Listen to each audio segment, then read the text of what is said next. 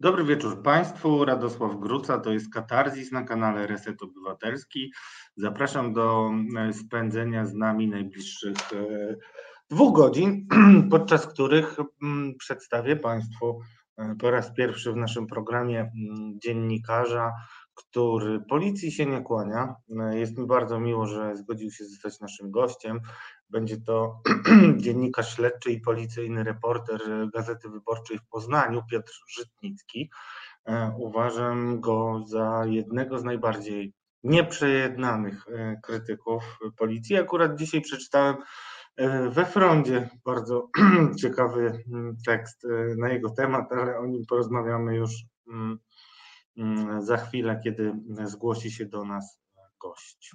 Drodzy Państwo, witam wszystkich na e, czacie. Witam Pani Andrzeju Mroczkowski, witam Pana Adriana, Marka Kacińskiego, Dorotę, Ole i Wys Oko. E, na ten moment czekam na to, aż zgłosicie się zgłosicie się wszyscy. Producentem wykonawczym e, jest pani Katarzyna Samowska, którą serdecznie pozdrawiam i też odpowiadam dzień dobry, mm, bo widzę, że jest pani na czacie.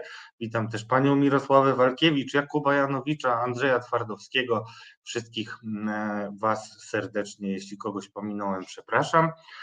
I drodzy państwo, mm, nie ma co przedłużać. Zapowiem tylko, że w drugiej części mm, programu porozmawiamy o panu, którego mm, obwinia się o kłopoty Barbary, Kurde i Szatan. I nie uwierzycie, jest to między innymi e, Krzysztof Boczek, e, znany Państwu, były współprac obecny współpracownik e, magazynu Press oraz Oko Press. Ale skoro już mamy pana Piotra, no to mm, pozwolę sobie zaprosić go już do naszego wirtualnego studia. Dobry wieczór. Dobry wieczór, witam. Bardzo dziękuję za y, przyjęcie zaproszenia. Już y, powiedziałem, dlaczego pana zaprosiłem, panie Piotrze. Mianowicie uważam, że jest pan y, tym dziennikarzem, który realizuje misję dziennikarską autentycznie, a na polu pisania o policji jest to bardzo trudne. Przynajmniej tak wskazują moje obserwacje naszych kolegów. A pan jest tym dziennikarzem, który nigdy się nie boi powiedzieć nawet o tym, że Policja robi ustawkę z jednym z kanałów telewizyjnych, dokładnie z Polsatem, która przypomina komunistyczną propagandę. Doskonale sobie zapamiętałem taką pana wypowiedź, ale zacznijmy może e, od końca. Ponieważ dzisiaj przeczytałem we frondzie. Nie wiem, czy pan już się zapoznał z tą wspaniałą. Nie, właśnie, właśnie usłyszałem i jestem zaskoczony. Jestem bardzo ciekawy, o czym napisali. No widzi pan. Więc GW przyrównuje chuliganów zakłócających mszę świętą do robotników represjonowanych w PRL. Drodzy Państwo, zanim się pozwolę wypowiedzieć temu, temu, no nie wiem, same złe słowa mi przychodzą, temu e, oburzającemu wpisowi, E, no, oburzającej sytuacji, to przytoczę Państwu wpis, bo wydaje mi się, że on wiele mówi. E, na stronach tabloidu, bo tak Was tytułuje Gazetę Wyborczą Fronda, czytamy, że w sądzie w Poznaniu dzieje się historia. Sterowana przez władze prokuratura domaga się ukarania 32 uczestników protestu w katedrze. Bronią ich pro bono poznańscy adwokaci, jak i robotników i opozycjonistów w czasie PRL. I pan jest właśnie oskarżany o to, że porównuje pan manifestujących do robotników e, i opozycjonistów w PRL. Zapytam na wszelki wypadek, czy taka była pana intencja? Nie, bo oczywiście no nie można porównywać, oczywiście nie można porównywać tych sytuacji, czyli tego, co się działo rok temu, w październiku ubiegłego roku podczas strajków kobiet i tych wydarzeń, które się działy w PRL-u, na przykład podczas poznańskiego czerwca 56, chociażby dlatego, że tutaj e, w ubiegłym roku władza co najwyżej wysyłała tajniaków z pałkami teleskopowymi w tłum, żeby bili ludzi, albo psikała gazem w oczy posłanek. Natomiast no, tam w 56 roku polała się krew, kilkadziesiąt osób w Poznaniu zginęło.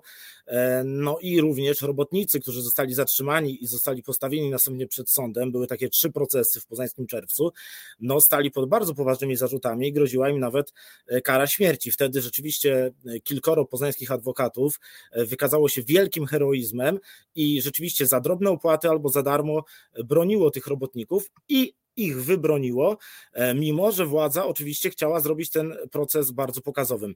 Ale są pewne analogie. Zacznę może od takiej symbolicznej sceny, którą opisywałem e, w relacji z procesu, który się wczoraj rozpoczął. E, ten proces toczy się ze względu na to, że oskarżone są aż 32 osoby, a więc jest to e, no, liczba porównywalna z zorganizowanymi grupami przestępczymi, ten proces musi się toczyć w największej sali poznańskiego sądu. I tak się akurat składa, że to jest dokładnie ta sama sala, w której w 1956 roku sądzono po zrywie, po wydarzeniach poznańskiego czerwca, sądzono właśnie robotników. Zresztą na obok drzwi tej sali jest pamiątkowa tablica, która upamiętnia heroicznych, niezłomnych poznańskich adwokatów. Więc jest ta symbolika. Ale nie tylko to, bo przywołuję również w tym tekście w relacji z wczorajszego procesu bardzo się długo zastanawiałem, jak właśnie zacząć tę relację, od, od czego. I przywołuję słowa komunistycznego premiera Józefa Cyrankiewicza, który groził e, w 1956 roku, że e, władza ludowa e, każdemu, kto podniesie na nią rękę, tę rękę odrąbie. A z kolei w 2019 roku prezes PiS Jarosław Kaczyński również odnosił się do podniesionej ręki i mówił, że kto podnosi rękę na Kościół, podnosi rękę na Polskę. No i prokuratura w Poznaniu uznała, że te 32 osoby właśnie podniosły rękę na Kościół katolicki i należy je za to przykładnie ukarać. E, żeby była jasność, e, często się pojawia w narracjach prawie. To tylko, panie Piotrze, to tylko przypomnijmy, bo może nie wszyscy pamiętają, chodzi o wydarzenia z października i taką spontaniczną reakcję, która, e, która była efektem wyroku Trybunału Julii Przyłębskiej w sprawie aborcji. To wtedy e, protestujący weszli do, do katedry i zdaniem, nie do katedry, przepraszam, do kościoła, nie wiem. Do katedry, to, tak, to kościół, ale to, to, to, tak, to jest, to, jest, to jest katedra w Poznaniu na Ostrowie Tumskim.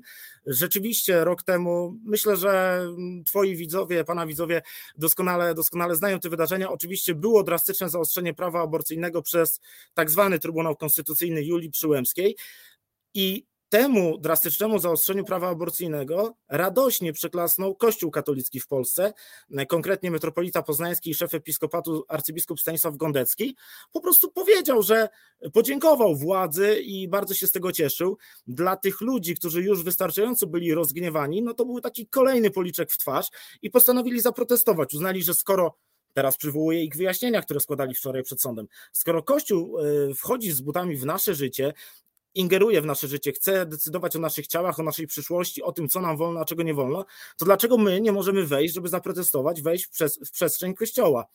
I tam nie było żadnej profanacji, bo zarzut rzeczywiście jest w polskim kodeksie karnym taki przepis, który mówi o złośliwym przeszkadzaniu w wykonywaniu aktu religijnego.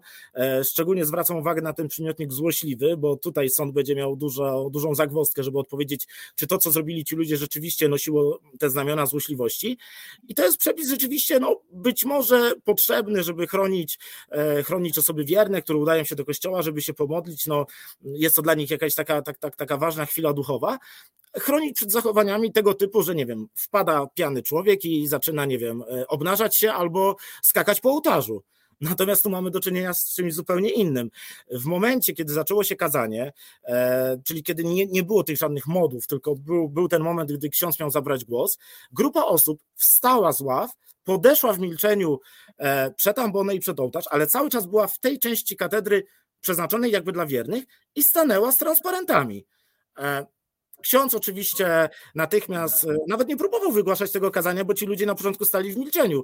Przerwał to kazanie, wezwał policję. Akurat tak się złożyło, bo to już wiemy z akt sprawy, które czytaliśmy, że y, ksiądz dostał jakiś anonimowy cynk, ktoś napisał na Facebooku do parafii, e, że taki protest się szykuje i policja była powiadomiona, więc jak ksiądz e, wezwał policję, czy poprosił o wezwanie policji, to po kilkunastu, kilkudziesięciu sekundach już policjanci w bojowym rynsztunku się zjawili w katedrze, no i wtedy rzeczywiście kontynuowanie mszy, mszy było niemożliwe.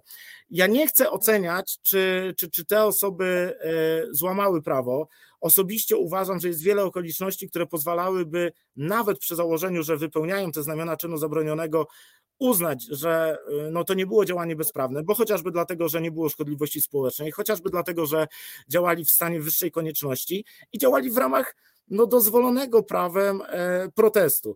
Nie było ich celem złośliwe przeszkadzanie w wykonywaniu aktu religijnego, e, nie było to wymierzone w wiernych, nie, nie, było to tylko formą protestu przeciwko postawie akurat arcybiskupa Gondeckiego, którego e, siedziba, pałac, rezydencja, w której usługują mu siostry zakonne, mieści się tuż obok tej katedry. Możemy różnie te wydarzenia oceniać, natomiast w prawicowej narracji, narracji rządowych mediów, Radia Poznań, TVP Poznań, z którą ja się też od wczoraj zapoznałem, poznaje, no wprost jest mowa o tym, że to są chuligani i awanturnicy. Nikt nie zauważa, że to jest wprost kalka e, z komunistycznej propagandy i z tych określeń, którymi właśnie posługiwała się władza ludowa, żeby zohydzać oskarżonych w procesach politycznych w czasach PRL-u. I ja nawet sięgnąłem z ciekawości wczoraj do, do zeskanowanych, które są dostępne w przestrzeni publicznej gazet e, poznańskich, właśnie publikowanych tuż po wydarzeniach czerwcowych w 1956 roku. I dokładnie 29 czerwca 1956 roku ekspres Poznański dzień po tym apelował do mieszkańców Poznania, żeby, e, żeby nie ulegali prowokacjom chuliganów, czy żeby, żeby byli uważni i nie dali się wciągać chuliganom w jakieś, w jakieś działania, w jakieś zamieszki. I, a wczoraj słyszę z kolei w Rządowym Radiu Poznań, kiedy prowadzący audycję e, Roman Wawrzyniak, zresztą e, znany z serii homofobicznych wystąpień i homofobicznych audycji, mówi właśnie o chuliganach, czyli mówi dokładnie tym komunistycznym językiem. Więc jest tutaj dużo tych analogii. Ja nie mam wątpliwości, że to jest w ogóle że to jest proces polityczny i to jest największy proces polityczny od momentu przejęcia przez PiS władzy w Polsce, e, bo nigdy w żadnym procesie nie było jednocześnie aż tak wielu oskarżonych e, na ławie oskarżonych. Panie Piotrze, no, jestem pod wrażeniem Pana e, wiedzy i tym bardziej cenię tę Pana wypowiedź bardzo rzadką, która zwróciła moją uwagę.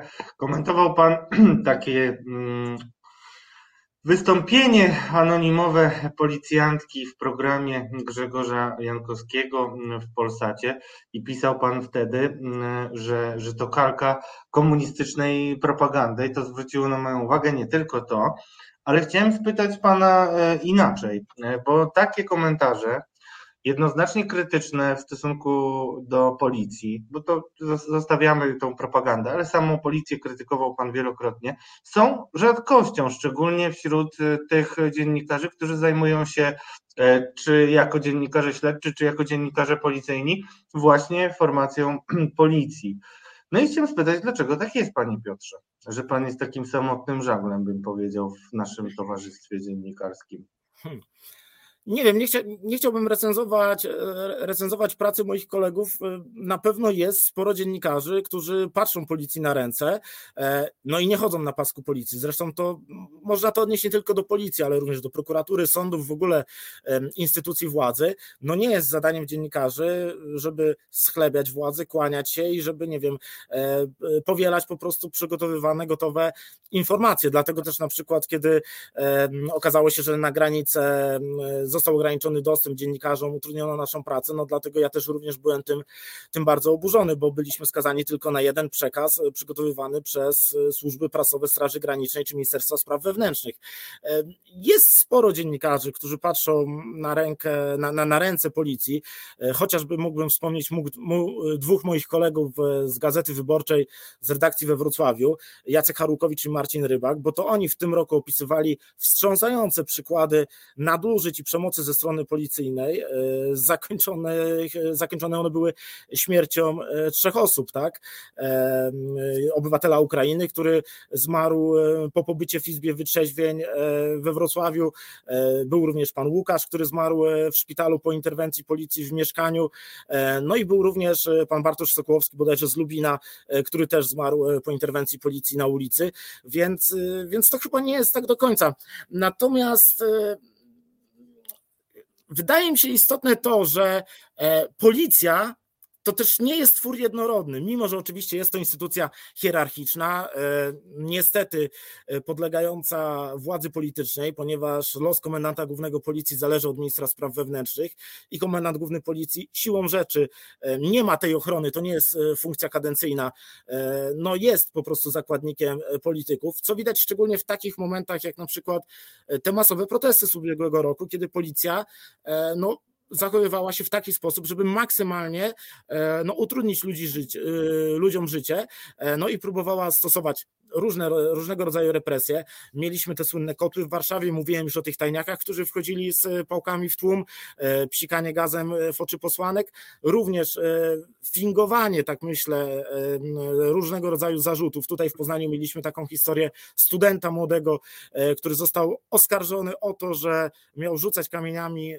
w policjantów, no i niedawno został prawomocnie uniewinniony przez sąd, gdzie sędzia Sławomir Janksow w uzasadnieniu wprost powiedział, że w dzisiejszych czasach żyjemy, że żyjemy w takich czasach, gdzie policja po prostu wykonuje zadania e, polityczne, szczególnie policyjni tajniacy, no i do zeznań składanych przez policjantów należy podchodzić ze szczególną ostrożnością, bo mogą mieć oni jakiś interes w tym, żeby mm, daną osobę zatrzymaną, podejrzaną e, obciążać, co jest w ogóle nie do pomyślenia, bo jeszcze kilka lat temu mieliśmy do czynienia z czymś zupełnie odwrotnym.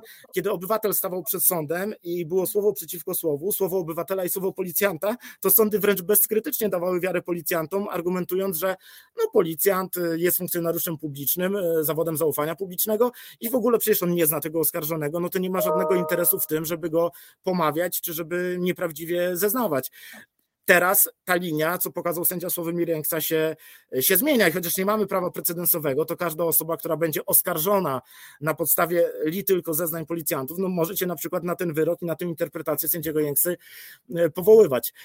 Ale wracając do tego, że policja rzeczywiście nie jest jednorodna, ja pamiętam, że nawet podczas tych ubiegłorocznych protestów, które się działy, to w różnych miastach policja w różny sposób podchodziła. W Warszawie, gdzie rządził nią Paweł Dobrodziej, który zresztą potem awansował na zastępcę komendanta głównego, można powiedzieć, że policja była bardzo gorliwa i bardzo nieprzychylna manifestantom, ale z kolei ja widziałem w Poznaniu takie obrazy, gdzie no wręcz policja no, dbała robiła w zasadzie to, co powinna robić podczas zgromadzeń publicznych, czyli po prostu dbać o bezpieczeństwo, dbać o zabezpieczenie terenu, o zabezpieczenie, o to, żeby nikomu nic się nie stało i nie podejmowała żadnych interwencji.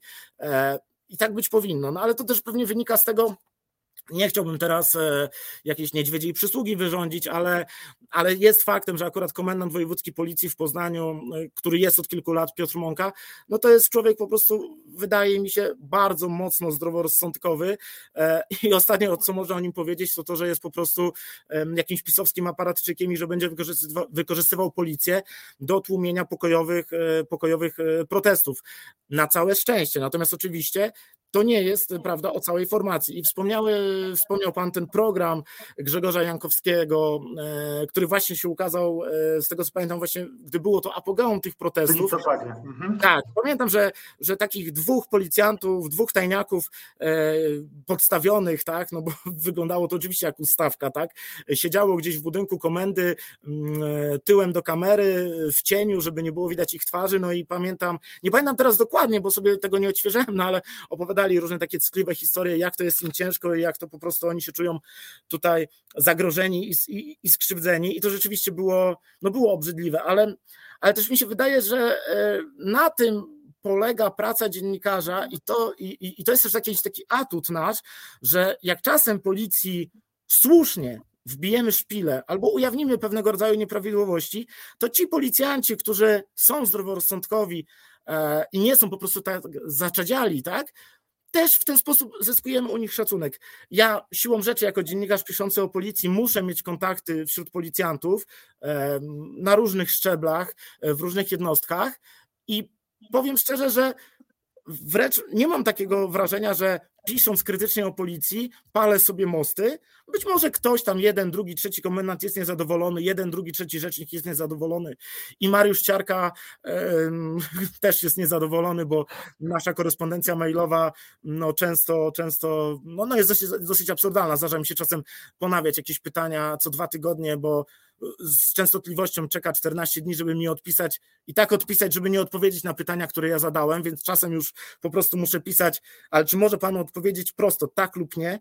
I tak nie odpowiada, więc wiem, że robi to oczywiście złośliwie, no ale czy ja mam się przejmować tym, że, że, że nie lubi mnie Mariusz Ciarka, skoro mam szacunek policjantów, e, e, którzy rzeczywiście pracują e, powiedzmy na pierwszej linii, łapią przestępców, czyli robią to, do czego policja jest powołana. Oni są dla mnie cennymi źródłami informacji i ja nie mam wrażenia, że pisząc krytycznie o policji, czy opisując jakieś no, zachowania, gdzie policji coś nie wyszło, że sobie palę mosty, wręcz przeciwnie, wydaje mi się, że taką takim uczciwym podejściem zyskuje sobie też trochę ich szacunek, bo ja też nie mam żadnego problemu w tym, żeby opisać e, sukcesy policji, czy jakieś ciekawe historie, e, które no, zasługują na opisanie, no bo trzeba przyznać też, że policja oprócz tego, że czasem niestety jest wykorzystywana w naszym kraju politycznie, no to też szczególnie w tych pionach kryminalnych, tak, e, pionach gospodarczych, no często też wykonuje świetną robotę i też nie stawiałbym absolutnie znaku równości między policjantami na przykład, a funkcjonariuszami takich służb jak CBA, która, która to służba jest całkowicie upolityczniona. Więc, e, więc wydaje mi się, że zyskuje się szacunek, jak się czasem napisze coś krytycznie o policji. E, ja nigdy nie stosowałem wobec policji e, taryfy ulgowej. Często też potrafiłem, kiedy trafiał mi się jakiś temat i te informacje się nie potwierdzały, no po prostu powiedzieć, że ok, te informacje się nie potwierdzają, albo na przykład, że e, policja miała, miała rację. Ostatnio nawet się zgłosiła do mnie kobieta, która opisywała no, w dramatyczny sposób jakieś, jakieś y, zatrzymanie jej córki, która miała zostać doprowadzona na przesłuchanie, bo, bo się nie stawiła na to przesłuchanie, już nie wnikając w szczegóły dlaczego.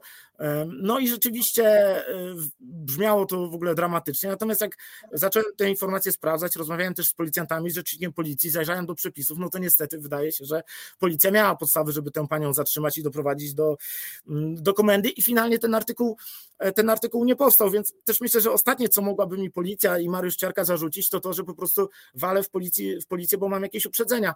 Zresztą ja też o tym kiedyś wspominałem, e, mm, wydaje mi się, że także, także publicznie, na pewno na jednej z interwencji, gdzie wdają się w dyskusję z policjantami, kiedy, mm, kiedy doszło do takiej próby nielegalnej eksmisji i policja była trochę, trochę bierna i po prostu bezradna e, wobec bandyckich działań. Powiedziałem policjantom, że, że się na przykład wstydzę za ich działania i jest mi tym bardziej przykro, że ja akurat pochodzę z rodziny E, policyjnej, bo, bo nie poszedłem oczywiście w ślady, w ślady, mojego, mojego ojca i mojego brata, e, którzy byli są policjantami, natomiast, natomiast no, gdzieś jakiś ten background mam, e, no ale to też w żaden sposób nie wpływa na moją pracę. Jeżeli trzeba, no to, no to, no to się po prostu piszę, opisuję rzeczywistość, nie stosując żadnej, żadnej taryfy ulgowej wobec, wobec policji. Ale wydaje mi się, że jak mam kontakt z policjantami, to, to jakiś mam ich szacunek i, i, i ostatnie, co można mi zarzucić, to to, że po prostu e, no, kieruję się jakimiś niskimi pobudkami, żeby policji po prostu dowalić. No to, to już w ogóle nawet mi nie przyszło do głowy, ale powiem szczerze, że dlatego bardzo mi miło i prosiłem, żebyśmy się spotkali, żeby też e, przedstawić Pana naszym widzom, naszym czatowiczom też, którzy bardzo aktywnie komentują nasz program. I zresztą nawiążę tutaj, tak miałem to zrobić, ale jedna y, z komentujących zwraca uwagę na to, e, że no w ogóle jest problem z wizerunkiem policji i pyta o to, ilu policjantów odeszło ze służby. Ja pamiętam artykuł z końca ubiegłego roku i nawet go e, sobie przygotowałem do zacytowania. Pan pisał, a to artykuł pod e, wiele mówiącym tytułem, E, trochę może sparafrazuję, ale policjant to już nie brzmi dumnie. tak chyba to e, brzmiało. No i pisał pan o tym, że ze służby odeszło prawie 5 tysięcy policjantów na 99 tysięcy, ale według stanu, stanu na listopada ubiegłego roku w polskiej policji służyło 96 164 funkcjonariuszy i to 2,6 tysiąca policjantów mniej niż na początku roku. Pan uważa, że policjanci nie chcą poddawać się tym politycznym rozkazom, bo też y, miejmy, drodzy Państwo, świadomość, że bardzo często, y, szczególnie na warszawskie manifestacje, były kierowane oddziały policji y, z całej Polski, bo właśnie ból wakatów, który też staram się tłumaczyć, polega na tym, że jeżeli policjanci są kierowani do Warszawy na, na, na, zabezpieczenia, to nie ma ich gdzieś, gdzie ktoś może właśnie potrzebować pomocy i ludzie sobie chyba nie zdają z tego do końca sprawy. Więc moje pytanie brzmi, czy ten autory, czy ten, e, czy, czy policjanci rzeczywiście czują taki spadek e, uznania dla ich pracy i nie chcą wykonywać politycznych e, rozkazów, czy może to coś innego? Jeśli chodzi o te dane, to ja rzeczywiście ich ostatnio nie aktualizowałem, ale jak pamiętam z rozmów z policjantami przy pisaniu tamtego artykułu i, i generalnie ogólnie, to tak, rzeczywiście jest problem. E, to nie brzmi dumnie i to wynika z kilku faktów. Mm, to, o czym Pan wspomniał, czyli e, to wykorzystywanie policji do celów politycznych, z pewnością ma swoje znaczenie i e, jest na pewno wielu policjantów, sam znam takich, którym te działania, szczególnie właśnie w ubiegłym roku, w 2020 roku, kiedy były te protesty strajku kobiet, bo to był taki rzeczywiście moment, gdy władza, można powiedzieć, że spanikowała, nie wiedziała, co się dzieje po prostu i dlatego wysłała tę policję i dlatego no, policjanci posuwali się do zachowań wręcz po prostu skandalicznych. Być może będzie jeszcze okazja powiedzieć o tej sprawie, którą opisywałem, po prostu uwięzienia, porwania wręcz po prostu jak na Białorusi, jak w czasach komuny, kilkoro aktywistów, którzy jechali na proces do Warszawy. Więc ja pamiętam z tamtych rozmów, że rzeczywiście wielu policjantów, wielu policjantów tych, z którymi ja rozmawiałem, też zakładam, że to jest jakaś część policji i to są też e, no, specyficzni ludzie, znaczy jest jakiś krąg po prostu, pewnie ci policjanci, którzy mają poglądy propisowskie i którzy uważają, że bardzo dobrze i należy tych lewaków tam tępić, no to nie jest krąg moich informatorów i to nie jest krąg ludzi, z którymi ja rozmawiam. Natomiast, e, natomiast tak, no, to był dla nich problem, ale wydaje mi się, że znacznie większym problemem jednak jest cały czas kwestia e, finansowa i wydaje mi się, że teraz akurat w czasie galopującej coraz większej inflacji, mm, to będzie szczególnie odczuwalne. To znaczy po prostu e, policjant, e, no to nie jest dobrze opłacany zawód w Polsce, e, szczególnie na tych początkowych ścieżkach kariery. No tu dużo można by mówić. No, często padają te porównania, ja chyba też nawet w tamtym tekście mm, porównywałem te zarobki pracownika na kasie w dyskoncie typu Lidl i Biedronka i funkcjonariusza policji, który jest to służba, e, musi być dyspozycyjny 24 godziny na dobę. Tak jak Pan wspomniał, gdy trzeba jechać, e, to po prostu są zabierani i jadą na przykład na kilka dni do Warszawy na zabezpieczanie protestów. Szczególnie w tych oddziałach prewencji jest to zbudowane trochę na kształt e, wojska po prostu, gdzie to są takie po prostu oddziały, plutony, mają swoich dowódców, są ćwiczeni w, ty, w, ty, w tych różnych układach. Więc, więc powstaje pytanie dla takiego młodego człowieka, po co ja mam to robić, skoro rynek pracy jest taki, e, że ja mogę pójść i chociażby w tej biedronce zarobić więcej, ale też mogę po prostu kształcić się no, w różnych innych kierunkach, na informatyka, e, czy, czy wykonywać po prostu cokolwiek, zarabiać lepiej, nie mieć stresującej pracy i nie, nie obawiać się tego, że moi koledzy, moi znajomi, nie wiem, ze studiów czy, e, czy, czy z podwórka będą mnie wytykali palcami i uważali za, za po prostu jakiegoś politycznego pałkarza. Więc to na pewno jest problem. I efekt, znaczy, policji udaje się te wakaty jednak zapełniać, natomiast efekt jest taki, że coraz częściej jest to użyję takiego brzydkiego określenia, no gorszy materiał ludzki. I tu nawet nie chodzi mi o to, że obniżane są kryteria na przykład na testach sprawnościowych i e, ta poprzeczka jest obniżana i policjant, który nie wiem, kilka lat temu e, no, ze swoim poziomem sprawności nie miałby szans, żeby dostać się policji, teraz po prostu jest przypychany i dostaje się do policji, bo ta akurat może wyjść w praniu, kiedy dojdzie na przykład do jakiegoś pościgu i, i do, do pościgu, czy do, na przykład do konieczności obezwładnienia jakiej, jakiejś agresywnej osoby na ulicy, bardziej to jest też taki problem, że to są ludzie, no często też intelektualnie po prostu na, na, na, na zupełnie innym poziomie i że, i że tu jest, tutaj jest po prostu dobór negatywny, że idą też często do policji ludzie, którzy nie mają na przykład jakiegoś, jakiegoś pomysłu na życie.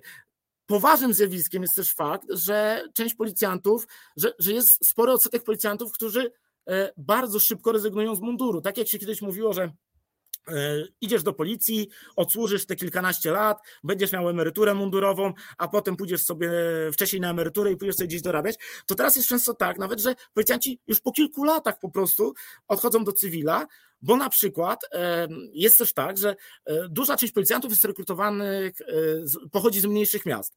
Bo rzeczywiście w takim mieście, na przykład jak Poznań, dla młodego poznaniaka, absolwenta tutejszego liceum, technikum, no, ta praca w policji e, za te zarobki no, jest dosyć słaba. Nie ma w ogóle też takich dodatków, że na przykład policjant w Poznaniu na tym samym szczeblu, tym samym stopniu będzie zarabiał na przykład więcej niż policjant w mieście 20 czy, czy 15 tysięcznym. Jedynie w Warszawie jest wprowadzony taki specjalny dodatek kilkuset złotowy, że policjanci pracujący w Warszawie mają te wyższe pensje. Ale policjant w Poznaniu zarobi tyle samo, co policjant w mieście 15-tysięcznym na drugim końcu Wielkopolski. Więc jest tak, że przyjmują się policjanci z mniejszych miast, e, są kierowani do zapełniania dziur w Poznaniu, muszą tutaj na przykład, nie wiem, dojeżdżać godzinę do pracy w te i we w te, albo gdzieś mieszkać w jakimś, w jakimś, e, w jakimś wynajętym e, pokoju, w jakimś hotelu, i oni na przykład po roku, po dwóch mówią, że mają już tego dosyć i piszą podanie do swojego przełożonego, do komendanta wojewódzkiego. Panie komendancie, e, no ja pochodzę powiedzmy z Kościana, dwa lata pracujesz w Poznaniu, ja proszę o przeniesienie do Kościana. No tyle, że w Poznaniu wakatów jest na przykład, nie wiem, 50, a w Kościanie nie ma wakatów. No i komendant odmawia. No to ten policjant mówi, ja już mam tego dosyć, a tu będę miał żonę, będę miał dziecko i po prostu odchodzę z tej policji. To jest też taki problem, że PiS zrobił bardzo złą rzecz, bo jak przejął władzę, no to w ramach tej swojej fiksacji, którą miał ówczesny wiceminister Zieliński, mm, zrobił dezubekizację i wystarczyło, że był policjant, który chociaż jeden dzień przypracował w milicji, nieważne jakie miał zasługi po prostu, musiał, e, musiał odejść ze służby, e, a już na pewno nie mógł pełnić żadnych kierowniczych stanowisk. I na przykład mieliśmy w Poznaniu naczelnika drogówki e, z wieloletnim doświadczeniem i stażem, który po prostu padł ofiarą ministra Zielińskiego i musiał odejść, musiał odejść z pracy. Efekt jest taki, że potem przyjeżdża na interwencję patrol, gdzie dowódca patrolu ma 3 lata służby, a policjant, który jest w patrolu, ma 2 lata służby, gdzie Kiedyś, ileś lat temu, było to po prostu nie do pomyślenia.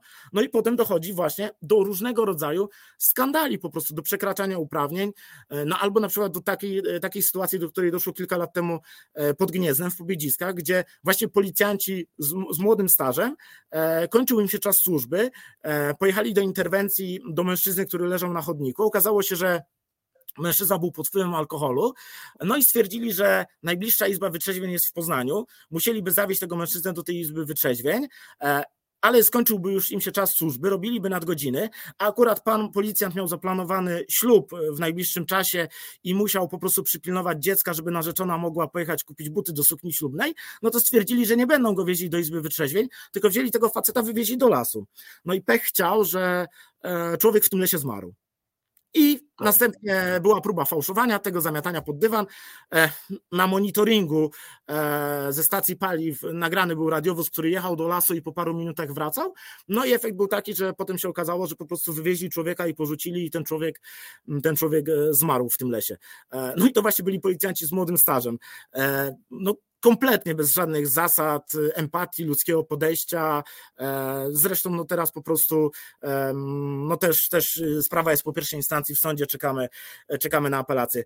No, no więc tak w skrócie generalnie wygląda ten obraz polskiej policji dzisiaj.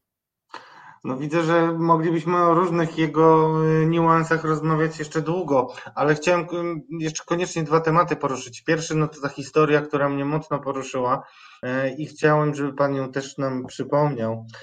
Mianowicie historia człowieka, który choruje na schizofrenię i który został postrzelony przez policję. Chciałem spytać, i Pan znowu tutaj chylę czoła, Pan to bardzo rzetelnie opisał, Sprawa przez chwilę była komentowana też e, w ogólnopolskich mediach, potem jakoś ucichło. E, pytanie, czy ktoś e, poniósł jakiekolwiek konsekwencje, jeśli chodzi o policję? Mm, jeśli chodzi o policjantów, to na razie nie. Toczą się dwa śledztwa. Jedno w sprawie zachowania policjantów, a drugie w sprawie zachowania pana postrzelonego, 39-letniego Łukasza i na razie to pan Łukasz, który choruje na schizofrenię, ma postawione zarzuty. To jest w ogóle bardzo ciekawe, bo człowiek, do którego e, policjanci oddali, w którego kierunku policjanci oddali kilkanaście strzałów, a pięć trafiło, e, w ogóle całe szczęście, że przeżył.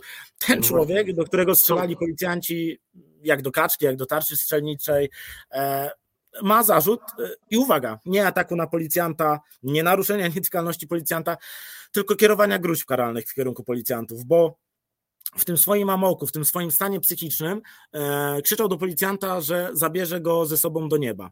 No bo w ogóle bardzo dużo w, w tych kilku dniach przed tym zdarzeniem opowiadał o Bogu, miał te, mm, to się mówią tak, psychiatrzy, tak, tak. urojenia typu religijnego.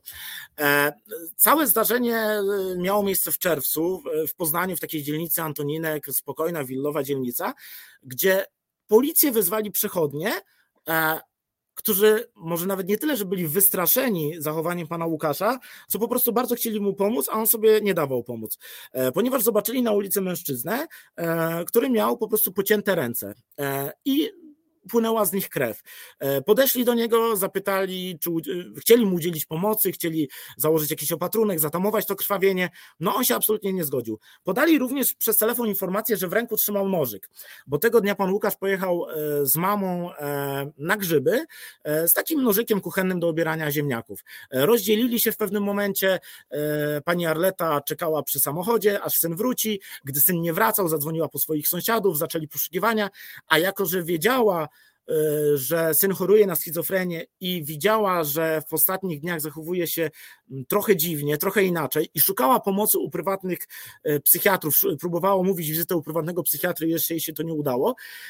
Zaniepokojona zadzwoniła również na numer 112, mówiąc, że jej syn zaginął, no ale że chorowa, choruje na schizofrenię. Już kiedyś miał taki atak, który zakończył się interwencją policji e, i kilkumiesięcznym pobytem w szpitalu psychiatrycznym. To miało miejsce 16 lat wcześniej, e, no ale że ona obawia się o jego zdrowie i jego życie.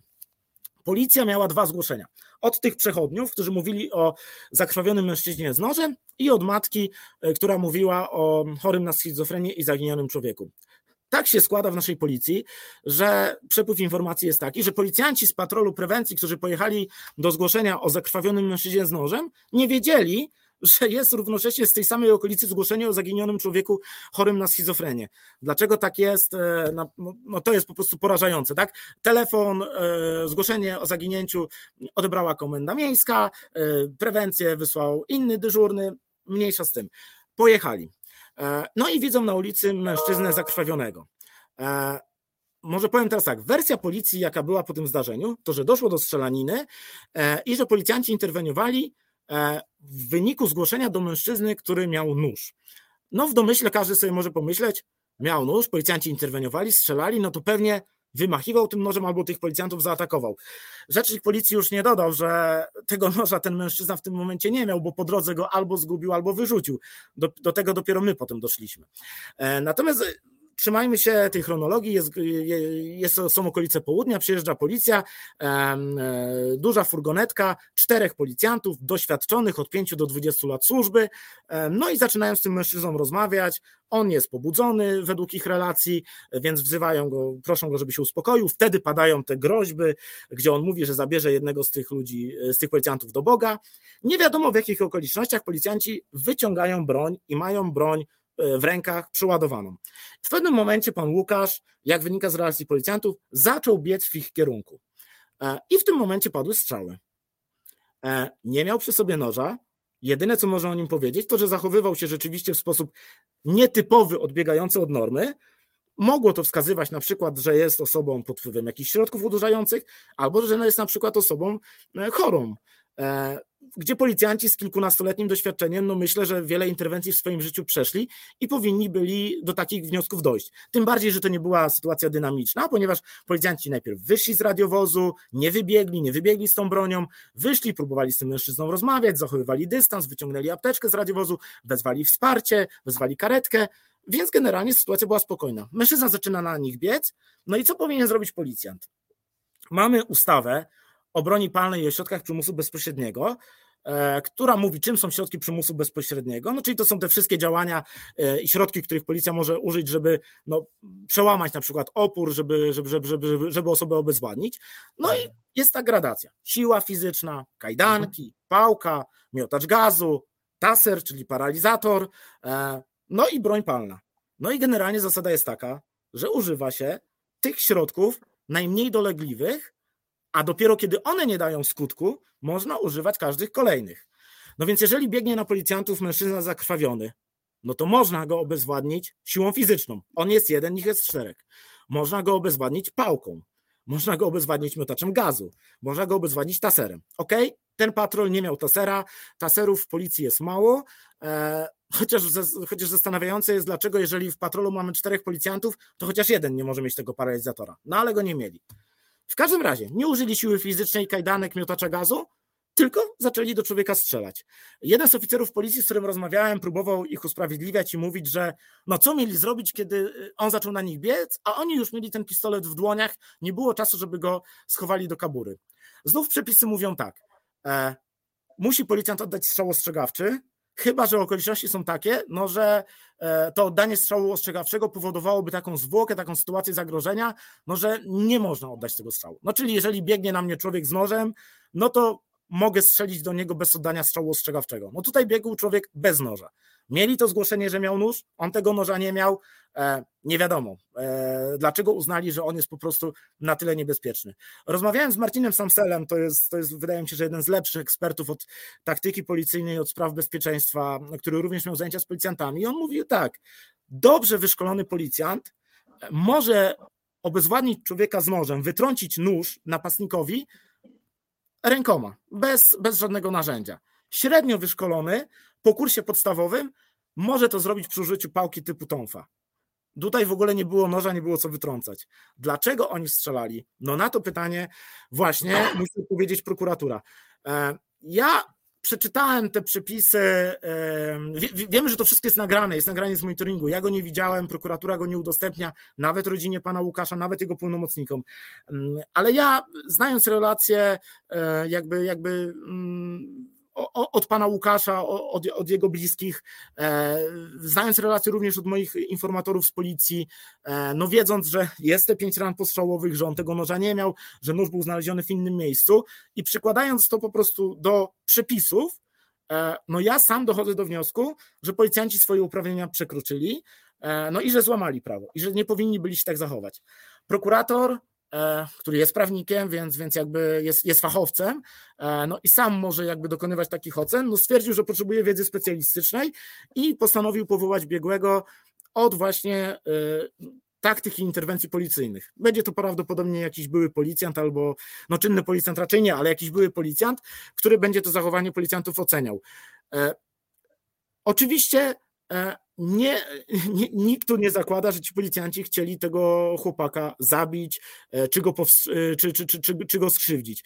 E, oddanie kilkunastu strzałów, z czego raptem pięć było celnych, świadczy o tym, że naprawdę działali w bardzo, musieli działać w bardzo dużych emocjach i w bardzo dużym stresie, no bo po prostu walili, walili z tego pistoletu na oślep.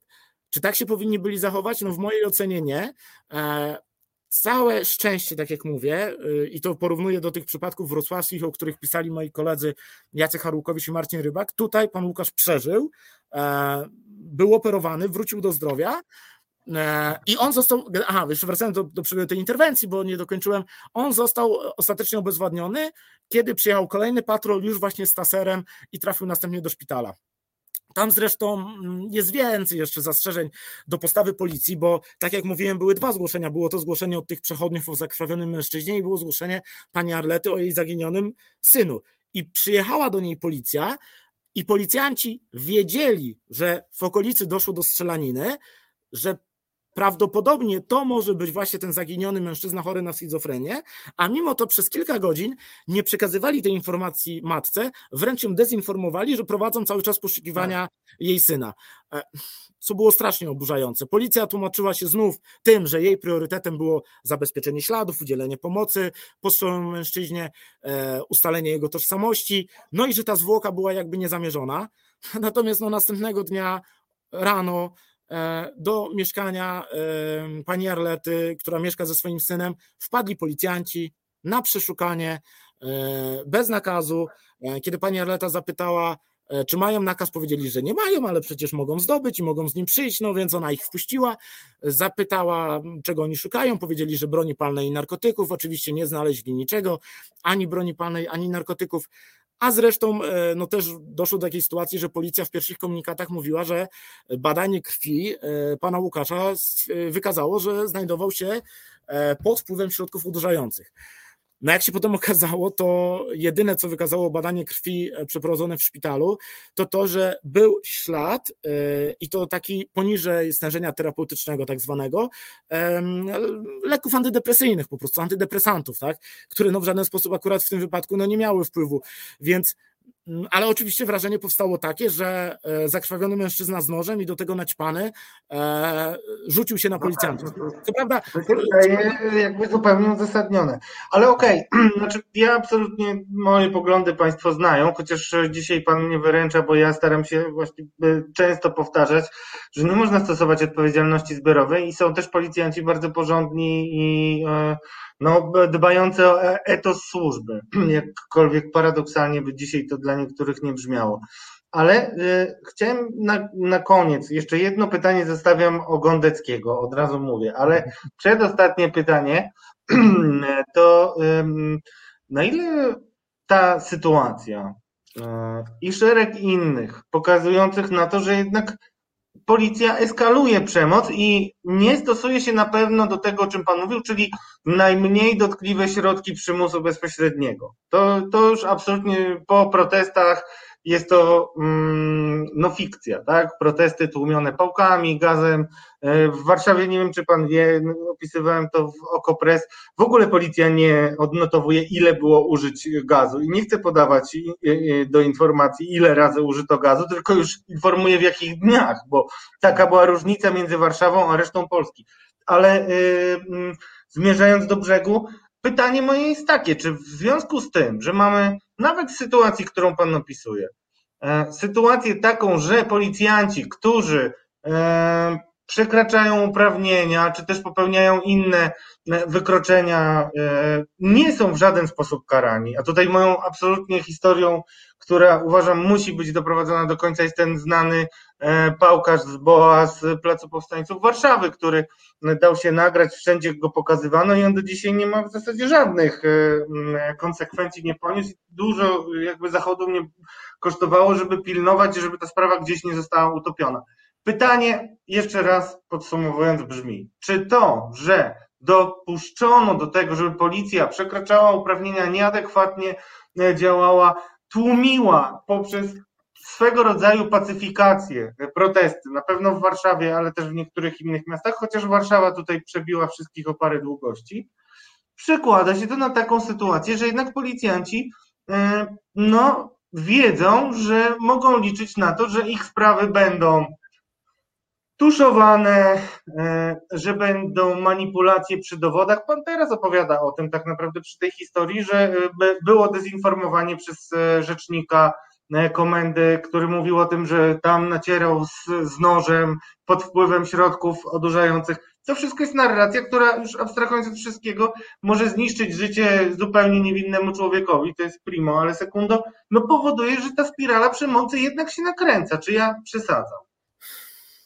Znaczy, na pewno ja bym zrobił jednak takie małe rozgraniczenie, że są sytuacje, gdzie policja działa z premedytacją, świadomie po prostu łamiąc e, prawa osób, przekraczając uprawnienia. No i są takie sytuacje, które tak jak ta, e, gdzie, gdzie, myślę, że możemy mówić jednak o Oczywiście przekroczeniu uprawnień, o pewnych błędach, e, no, o działaniu niefachowym, nieprofesjonalnym, natomiast no, niezamierzonym, nieumyślnym, wynikającym no, z różnych czynników, ze stresu, e, być może po prostu z błędu, z braku w wyszkoleniu. Ja sam opisywałem, znaczy Wiemy generalnie, że szkolenia w policji teraz przez ten COVID, ale już wcześniej były sukcesywnie skracane, że ten poziom wyszkolenia no jest po prostu marny, e, żeby nie powiedzieć słaby, e, że policjanci nie mają też tego treningu strzeleckiego. Być może na szczęście, bo gdyby te kilkanaście kul w pana Łukasza trafiło, e, to po prostu dzisiaj by, nie, by go nie było z nami.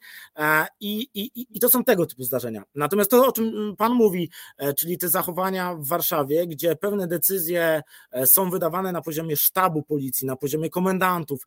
E, no i ci policjanci z prewencji są niestety ślepymi takimi wykonawcami, takimi pałkarzami, trochę niestety jak, jak ZOMO po prostu w czasach PRL-u.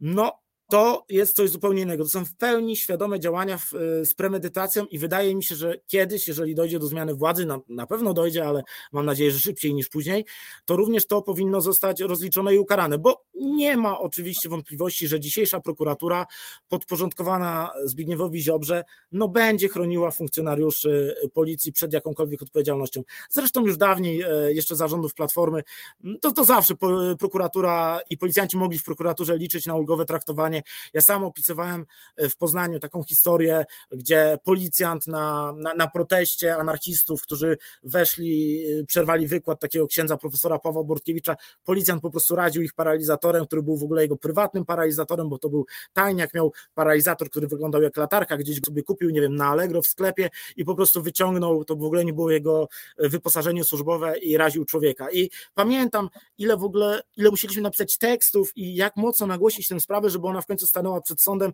i tak w końcu sąd go potraktował ulgowo, ale na szczęście i tak w Poznaniu, ja mam, ja mam wrażenie, że w Poznaniu sądy e, przestały stosować taryfę ulgową wobec policjantów i ta historia, o której mówiłem, gdzie sąd odmówił wiary zeznaniom tajniaków, biorąc pod uwagę to, że są właśnie tajniakami i policjantami, a wiemy, komu służy dzisiaj e, policja. Sędzia nawet powiedział takie zdanie, że policja nie stoi na straży prawa, ale na straży interesów rządzącej partii. E, to wszystko daje nadzieję i to wszystko też do tych policjantów dociera i mi się wydaje, że na przykład tu w Poznaniu no nie mamy takiego problemu z nadużyciami jak w Warszawie. Natomiast generalna uwaga jest taka, że wiadomo, że bezkarność demoralizuje. Bo jeżeli ja, jako policjant, mogę przyłożyć pałką i wiem, że po prostu potem przełożeni nic mi nie zrobią, nie będę miał nawet dyscyplinarki, nawet postępowania wyjaśniającego, nawet po prostu nie będę miał sprawy w prokuraturze, no to skoro przyłożyłem raz i mi się upiekło, to mogę przyłożyć drugi raz i trzeci. Dlatego tak ważne jest, żeby każdy taki przypadek dokumentować, nagłaśniać, e, od tego są też wolne media e, i żeby po prostu e, no, nie pozwalać tych spraw zamiatać pod dywan.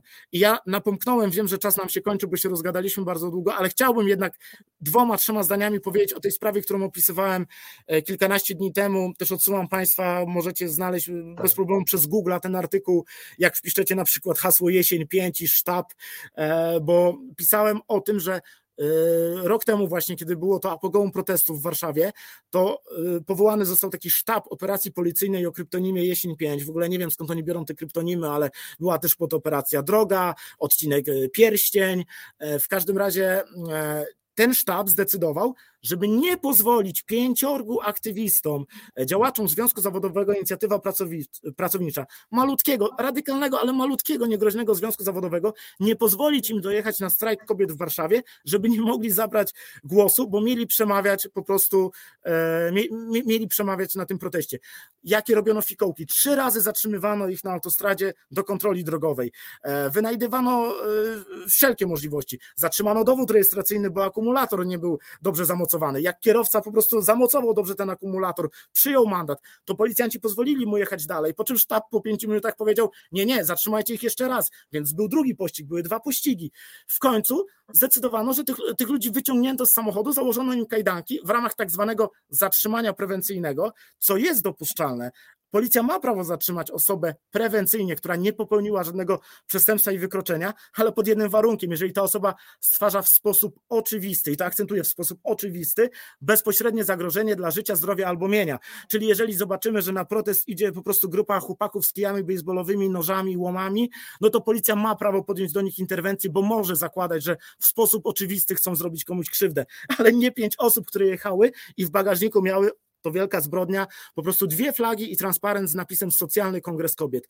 I co się stało? Te osoby zawieziono do komendy do Pruszkowa, trzymano tam cztery godziny i wypuszczono o 20, dokładnie gdy protest, protest w Warszawie, na którym miały przemawiać, się kończył. Nie sporządzono żadnego protokołu z zatrzymania, nie pozwolono skontaktować się z adwokatem, e, kazano im się rozbierać, zdejmować buty, kobiety rewitowano w łazienkach, e, wszystkich badano na obecność alkomatem, na obecność narkotyków. Po prostu skandal. E, po prostu metody esbeckie, metody po prostu białoruskich służb e, i nikt za to nie poniósł konsekwencji. E, ja wymieniam w tym artykule konkretne nazwiska policjantów, bo udało się odtworzyć ten szlak decyzyjny, jak, jak rozkaz ze sztabu policji wędrował do tych najniższych policjantów, do biednych policjantów z drogówki Marcina Lisieckiego i Karoliny Żak, którzy po prostu wiedząc, że jako policjanci mają prawo odmówić wykonania rozkazu, e, który, którego wykonanie wiązałoby się z popełnieniem przestępstwa, uwięzili ludzi, uprowadzili i to mówię z pełną odpowiedzialnością, bo ja nawet, nawet powiem panu, że czasem to chciałbym, żeby jakiś policjant albo prokurator mnie pozwał, bo to byłaby jedyna okazja, żeby tych ludzi zapytać po prostu, dlaczego to robią, dlaczego, dlaczego to robili. Ja mam taki, taki, taki, taki case, e, piszę o nadużyciach pewnej pani poznańskiej prokuratorki Agnieszki Nowickiej, która niewinnych ludzi wsadzała do aresztu, za co Skarb Państwa, my wszyscy podatnicy zapłaciliśmy 2 miliony złotych. Ona nie odpowiada, ani ona, ani jej przełożeni nie chcą się z tego tłumaczyć, nie są wyciągane wobec niej żadne konsekwencje służbowe, dyscyplinarne i ja po prostu e, aż bym bardzo chciał, żeby ona mnie pozwała, bo bym chciał, żeby po prostu można było ją i jej przełożonych przesłuchać przed sądem, ale oczywiście ona tego, ona oczywiście tego nie robi. Więc tak, bezkarność, reasumując, demoralizuje e, i to jest trochę tak jak w naszym zawodzie. Gdybym ja po prostu jako dziennikarz, nie wiem, zaczął konfabulować, e, zaczął po prostu naruszać zasady etyki dziennikarskiej i za, jedny, za, za, za, pierwszym razem mój przełożony by na to machnął ręką, albo by może nawet jeszcze mnie pochwalił i powiedział, dobrze, tak rób po prostu. Co tam trzymanie się faktów, co tam rzetelność dziennikarska, tak rób, trzeba ich dojechać. To oczywiście, żeby mnie to zdemoralizowało. Na szczęście, no ja, yy, ja tak nie funkcjonuję i na szczęście my tak nie funkcjonujemy, no ale tak niestety działa dzisiaj polska policja. Panie Piotrze, tylko jeszcze powiem, że bardzo się cieszę, że opisał Pan tę historię i też na pewno dzięki panu ona nie będzie przemilczona i też dzięki Rzecznikowi Praw Obywatelskich, bo powiem szczerze, kiedy szykowałem się do e, moich publikacji podsumowujących trochę, to, to też słyszałem o tej historii, także szapoba, e, uważam, że to bardzo ważne i też poprosiłem naszego drogiego realizatora Filipa, żeby udostępnił ten tekst i będziemy też go omawiać. Zostawię pana w takim razie już w spokoju dzisiaj, aczkolwiek e, bardzo bym chciał też porozmawiać o Gondeckim i o wielu różnych pana tekstach. Chciałbym, żeby pan złożył deklarację, że się zobaczymy w przyszłym roku. Okej, okay, jasne. E, było mi bardzo miło, też, też, też się cieszę, że, że mogliśmy porozmawiać, tak? Musimy się wspierać nawzajem e, jako wolne media, bo, bo wydaje się, że to jest, to jest bardzo ważne, żebyśmy po prostu patrzyli władzy na ręce, tej władzy y, szczególnie. Także oczywiście spotkamy się w przyszłym roku, czekam na zaproszenie. Jasne, dziękuję bardzo. W takim razie naszym gościem był Piotr Żytnicki, mój ulubiony dziennikarz policyjny, którego będę stawiał wszystkim kolejnym generacjom za wzór. Dziękuję bardzo, panie Piotrze. Dzięki. Drodzy Państwo, krótka muzyka. Jestem, powiem szczerze, bardzo zbudowany tą rozmową. Rozmawiałem krótko, znam głównie pana Piotra z tekstów. Uważam, że to jest rasowy dziennikarz i jestem dumny, że w moim zawodzie są takie osoby. Widzimy się za chwilę w rozmowie z kolejnym dziennikarzem, który również policji, ale nie tylko się kłania. Reset Obywatelski. Medium, które tworzysz razem z nami. Komentuj, pisz i wspieraj. Witam z powrotem. Nazywam się Radosław Gruca i prowadzę Katarzis w Resecie Obywatelskim a także staram się nie mieć y, zupełnie białej twarzy, ale nie wiem, co mam z tym zrobić. Liczy się treść, nie forma, drodzy Państwo. Może tak, pokażę Wam najpiękniejszy pokój nastolatki, jaki zobaczycie w tym roku, y, a w międzyczasie utnę sobie z Państwem rozmowę, którzy komentujecie, ale już zapowiem, że naszym kolejnym gościem będzie y, Krzysztof Boczek. Mm, mam nadzieję, że Filip mnie poinformuje, kiedy już będzie gotowy, ale chciałem chwilę się zatrzymać nad tą rozmową, którą uważam za jedną z najlepszych, jaką przeprowadziłem, jeśli chodzi o policję. E, Piotr Żytnicki to klasa sama w sobie. Nie znamy się, nie piliśmy piwa e, razem, e, nie chodziliśmy na dziewczyny. Czytam tylko jego teksty i to jest naprawdę dziennikarz dużej klasy, który nie tylko pisze o policji, e, ale też potrafi błysnąć e, naprawdę przemyślanym komentarzem. Bardzo Państwu polecam, żebyście mm, zwracali uwagę na jego publikacje, bo warto. E, ale pytania, które pojawiły się na czacie, warte są też przytoczenia, ponieważ wiele Waszych opinii jest też dość skrajnych, ale w moim przekonaniu ważnych do tego, żeby o nich dyskutować, a też nasz drugi gość mm, zajmował się policją, więc też będzie e, mógł coś e, dodać, e, drodzy Państwo. Chciałem zwrócić uwagę na to, że po pierwsze, mm, kapitan Stratford pisał, by nie przyjmować moralnych miernot, jak pisała też pani Marta Hoppe, ale niska płaca nie zrobi z dobrego policjanta bandyty i odwrotnie. Słuszna uwaga? Piszcie, dzwońcie, mm, zastanawiajcie się. E, Lubomir Petrów, Pochuta pisze, że wszystko z tego, że się stosuje podwójne standardy w odniesieniu do całego życia, nie tylko prawnego, ale też etycznego, robi się wyjątki, odstępstwa uzasadnia wyższymi celami i nie ma potem prawa. Tak pisze. Drodzy Państwo, mm, rzeczywiście jest tak, że, mm, że wbrew. Nie, tutaj będziemy się różnić z Piotrem Żytnickim troszeczkę. Może ja jestem bardziej trochę e, doświadczony życiem, tak to nazwijmy, mm, ale na długo zanim e, miałem moją scysję znaną z policją, która jeszcze nie ma e, finału. Jeszcze czekam na złożenie zeznań. Materiał dowodowy jest bardzo ciekawy, tak bym powiedział. Ale jeszcze sami jesteście świadkami, wielu z Was, którzy oglądacie Katarzys, y, mówiłem dużo wcześniej, że policja niestety ma pewne możliwości wpływania na dziennikarzy. Ja nawet w rozmowach prywatnych, a słyszę o tym, że to jest rodzaj korumpowania wręcz um, ludzi mediów. I jeżeli raz się wchodzi w tego typu zależność, to potem trudno się jest wydostać. Cieszę się, że Piotr Żytnicki powiedział Państwu, że nie trzeba się blatować z policją. Mam nadzieję, że mm, wielu dziennikarzy to usłyszy. Ja w każdym bądź razie wytnę taki fragmencik i paru kolegom i koleżankom pewnie wytnę, żeby wiedzieli, że można inaczej. Eee, chciałem też zwrócić uwagę, że jak najbardziej mm, Przepraszam, ale Anna 333 wybiła mnie z równowagi, pisząc o tym, że widzi Kurta Cobaina. Tak, dobrze wychowałem dziecko. A teraz y, Adrem. Y, przypominam Państwu, że komendant główny policji nazywa się Jarosław Szymczyk, jest w stopniu generała i rządzi policją najdłużej ze wszystkich możliwych komendantów. Kiedy słyszę y, o kolejnej śmierci, mm, a takich informacji było już dużo więcej niż e, śmierć na komisariacie we Wrocławiu, za którą e, redaktor Wojciech Bojanowski, e, za, za której opisanie, przedstawienie też tych szokujących nagrań z tortur w moim przekonaniu człowieka na komisariacie we Wrocławiu, mm, no, było więcej ofiar. Nie tylko tutaj szczęśliwie ten pan chory na schizofrenię nie stracił życia, być może była to sytuacja rzeczywiście wyjątkowa.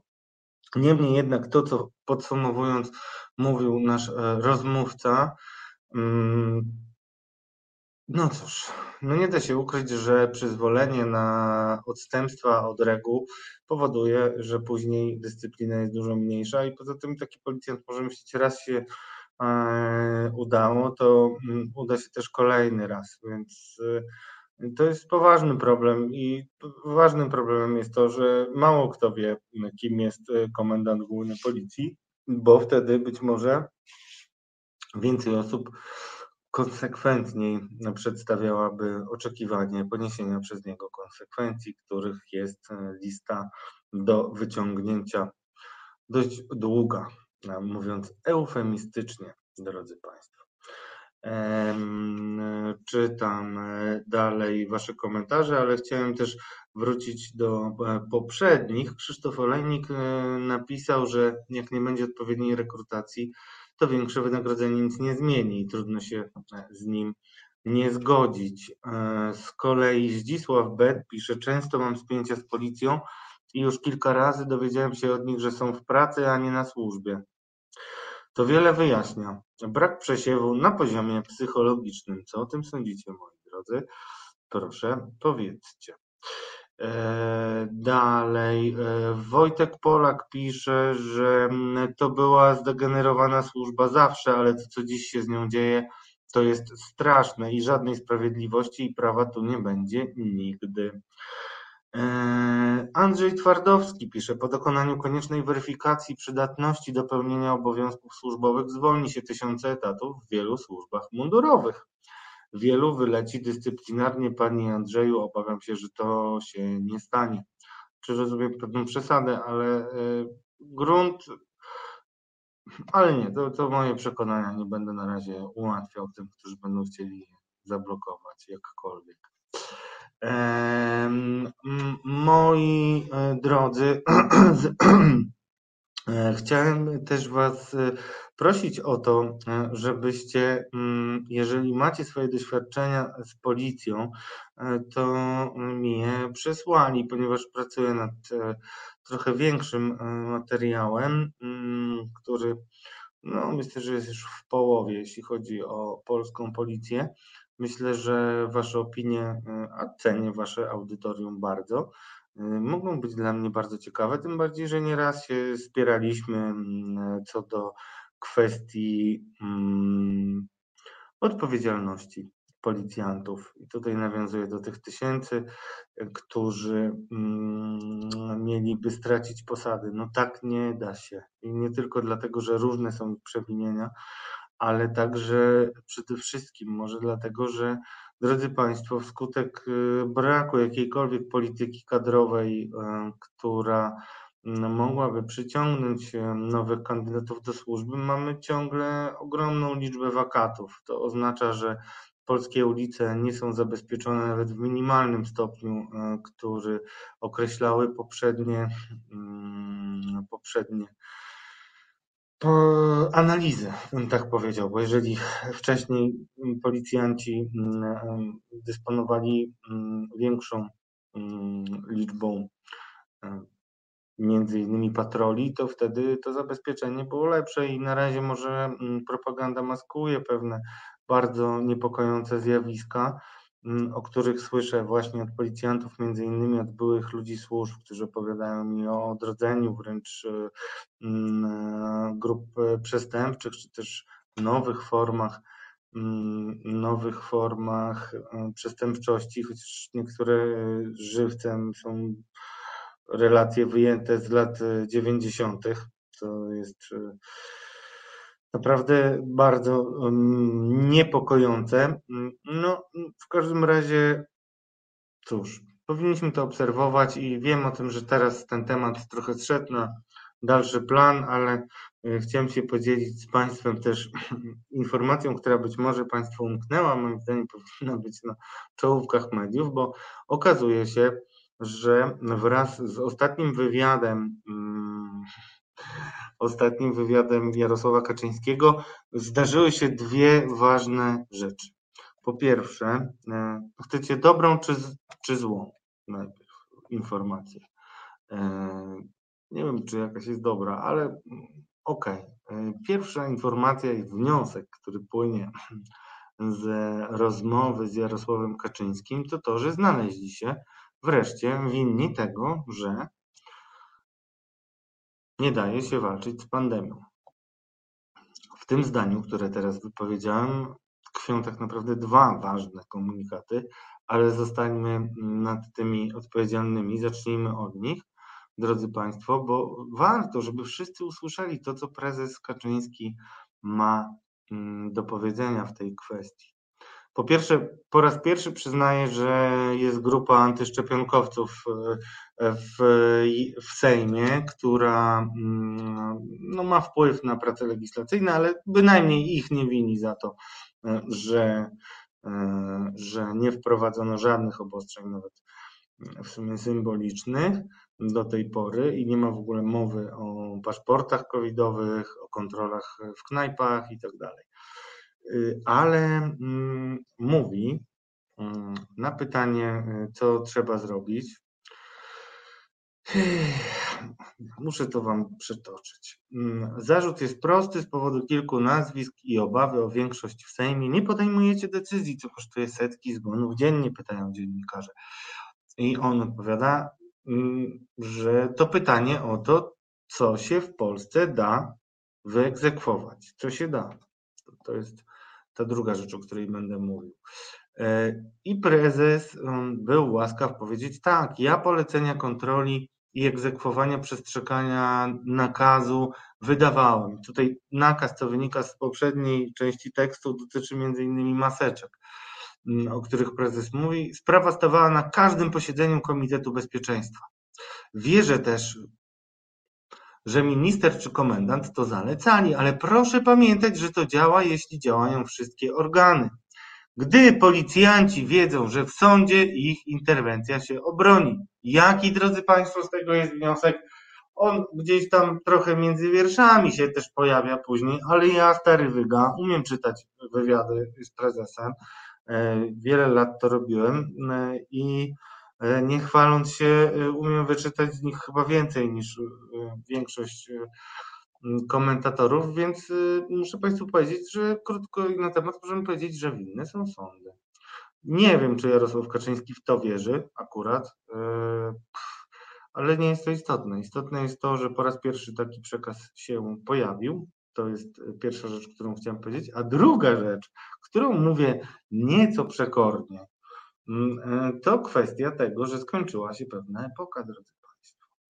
Ponieważ PiS, partia rządząca, przyzwyczaiła nas do tego, że jest jedyną siłą polityczną w historii Polski, która skutecznie potrafiła przekonać, że jest właśnie tą grupą dzielnych ludzi, którzy przeciwstawili się imposybilizmowi. tak to się nazywa ładnie, czyli że czegoś się nie da. Kojarzy wam się coś? Czegoś się nie da. Okazuje się tutaj, że nie da się skutecznie walczyć z pandemią. Kiedy powiedziałem to jednemu z ludzi prawicy i zwróciłem na to no, uwagę, że tutaj właśnie imposybilizm się skończył, z tym wywiadem, znaczy walka skuteczna z imposybilizmem się skończyła, to był łaskaw mi przypomnieć, że przecież wystarczy nie kraść. Jaki z tego wniosek wyciągnął kolega dowcipnie? Kolega dowcipnie powiedział, że no cóż, chyba zaczęli kraść. Nie wiem, czy to Was bawi równie mocno jak mnie, ale to też niestety pokazuje, drodzy Państwo, że nie mamy takiej mm, opozycji, z której błyskotliwości moglibyśmy być mm, na równi dumni, bo drodzy Państwo, zdradzę Wam, że zawsze wspierałem opozycję, e, bo uważam, że musi być jakiś balans i musi być jakaś równowaga, więc e, siłą rzeczy, skoro rolą mediów jest patrzenie politykom na rękę, to siłą rzeczy też trzeba przede wszystkim patrzeć na ręce władzy, drodzy Państwo, władzy. E, proponuję w związku z tym, że jeszcze czekamy na gościa, a bardzo ważne jest też to, żebyście zapoznali się ze spotem, który za chwilkę E, wyemituje nasz drogi e, Filip, to e, zróbmy jeszcze chwilkę przerwy, a za chwilę opowiem Wam o tym, jak to się stało, że Krzysztof Boczek zagościł w trendach na Twitterze. Co to znaczy? Jedziemy z piosenką nasz spot.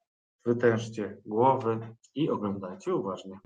Reset Obywatelski. Medium, które wsłuchuje się w głos swoich odbiorców Drodzy Państwo, szukałem, mm, szukałem tego okresu, kiedy e, Krzysztof e, Boczek znalazł się w trendach na Twitterze. Jak wiecie, nie szanuję Twittera jako medium społecznościowego, ale jest to taki trochę Hyde Park, a przede wszystkim miejsce, gdzie mm, dziennikarze, politycy, różnej maści eksperci, ale też horda trollów po obu stronach niestety barykady, ale po jednej jednak taka bardziej przeszkolona i zadaniowana. Druga strona to chyba już bardziej mm, e, ludzie, mm, no, którzy działają reaktywnie, ale nie są, nie są dłużni e, kolegom po drugiej stronie, kolegom z drugiego plemienia nie są dłużni. E, no, Krzysztof Boczek, nieco spóźniony, ale już w studiu. Zapraszamy, drodzy Państwo, na rozmowę Krzysztofa. Dobry wieczór, Krzysztof. Dobry wieczór, przepraszam za spóźnienie. Miałem dzisiaj bardzo dynamiczny czas, łącznie z tym, że wylądowałem awaryjnie e, u lekarza i z, ze stanem, z ciśnieniem przedzawałowym, więc ja potem jeszcze jechałem, więc wypadło mi z głowy, przepraszam. Nie no, ale może się rozłączmy i polesz tak już poza szczerze. Nie, nie, nie, nie, nie, absolutnie to nie jest. Nie, nie, nie, to jest. E, nie, to, to było rano i to już e, jest zrobione. Już jest dobrze, bo już mogłem prowadzić auto nawet, więc. E, w naszym nie. zakładzie pracy resetowym Tomek Piątek, który miał skoki ciśnienia, został odesłany na miesięczne odpoczywanie. Życzę Ci, żebyś też miał takiego pracodawcę.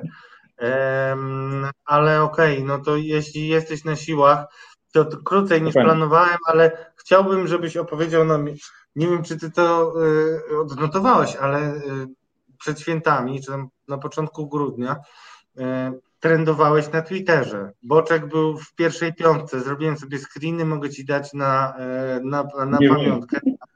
Byłeś, to chętnie, chętnie, to zobacz. Zobacz, Były zobacz, zobacz, no i, i zacznijmy od tego, bo ty jesteś, y, ty, ty, ty nie boisz się przyznawać do błędu i bardzo to promuję, y, nie tylko z twojej strony, ze swojej również. Chciałem cię spytać, jak to było y, z tą historią, którą ci wyciągano, bo próbowano, mm, no stałeś się też bohaterem tekstów TVP Info, gratuluję, przybij piątkę.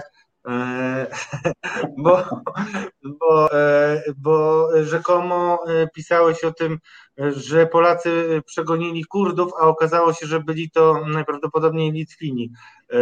Ale chciałem Cię spytać o, tą, o tę historię, którą wyśmiewano. Ty pisałeś o uchodź, uchodźcach albo e, też e, migrantach, e, którzy mm, mieli przebywać przez jakiś czas w wodzie i to wyśmiewano, że Ty jesteś chory chyba, że to było możliwe. Możesz nam dwa słowa y, wyjaśnienia, bo już wcześniej. Tak, to jedno, jedno wyjaśnienie dotyczy, tak, jedno wyjaśnienie, wyjaśnienie dotyczy, dotyczące tweeta o y, rzekomych Polakach y, przeganiających y, Kurdów przez y, wodę. Ja dałem się nabrać na, nie wiem czy dałem się nabrać, ale po prostu przeczytałem tweeta jednego z, z tych, które obserwuję, czyli jakichś zaufanych według mnie. E, i e, powieliłem go na Facebooku. E, I mm, no to był błąd. Tam na zdjęciu słup graniczny, który było widać, to był litewski. Ja uznałem, że są barwy czerwono-białe, to może jest polski, to był błąd. To, I to dość łatwo można było stwierdzić, szczerze mówiąc. Ale to był tweet, który miał kilkadziesiąt obejrzeń i kilkanaście, czy e, bardzo niewiele. To był jeden z mniej zauważalnych tweetów. I ktoś mi to bardzo szybko wyciągnął, że popełniłem, nie tweetów, tylko postów, przepraszam, e, że popełniłem błąd. I ja mam taką zasadę, że postów nie kasuję. Jeśli popełnię w nich błąd, daję edit i e, tłumaczę, przepraszam. E, no, uważam, że tak jest fair. E, to był chyba błąd, e, biorąc pod uwagę to, co zrobiła TVP Info, bo w momencie, kiedy chcieli mi przywalić za jakiś tam któryś z moich tekstów e, na Okopresie, no to wyciągnęli tego, tego posta sprzed tam już chyba dwóch tygodni, na którym sam przyznaję, że popełniłem błąd i przeprosiłem i napisałem o co chodzi. A dla nich to jest dowód na to, że, y, y, y, no, że jestem złym dziennikarzem. No.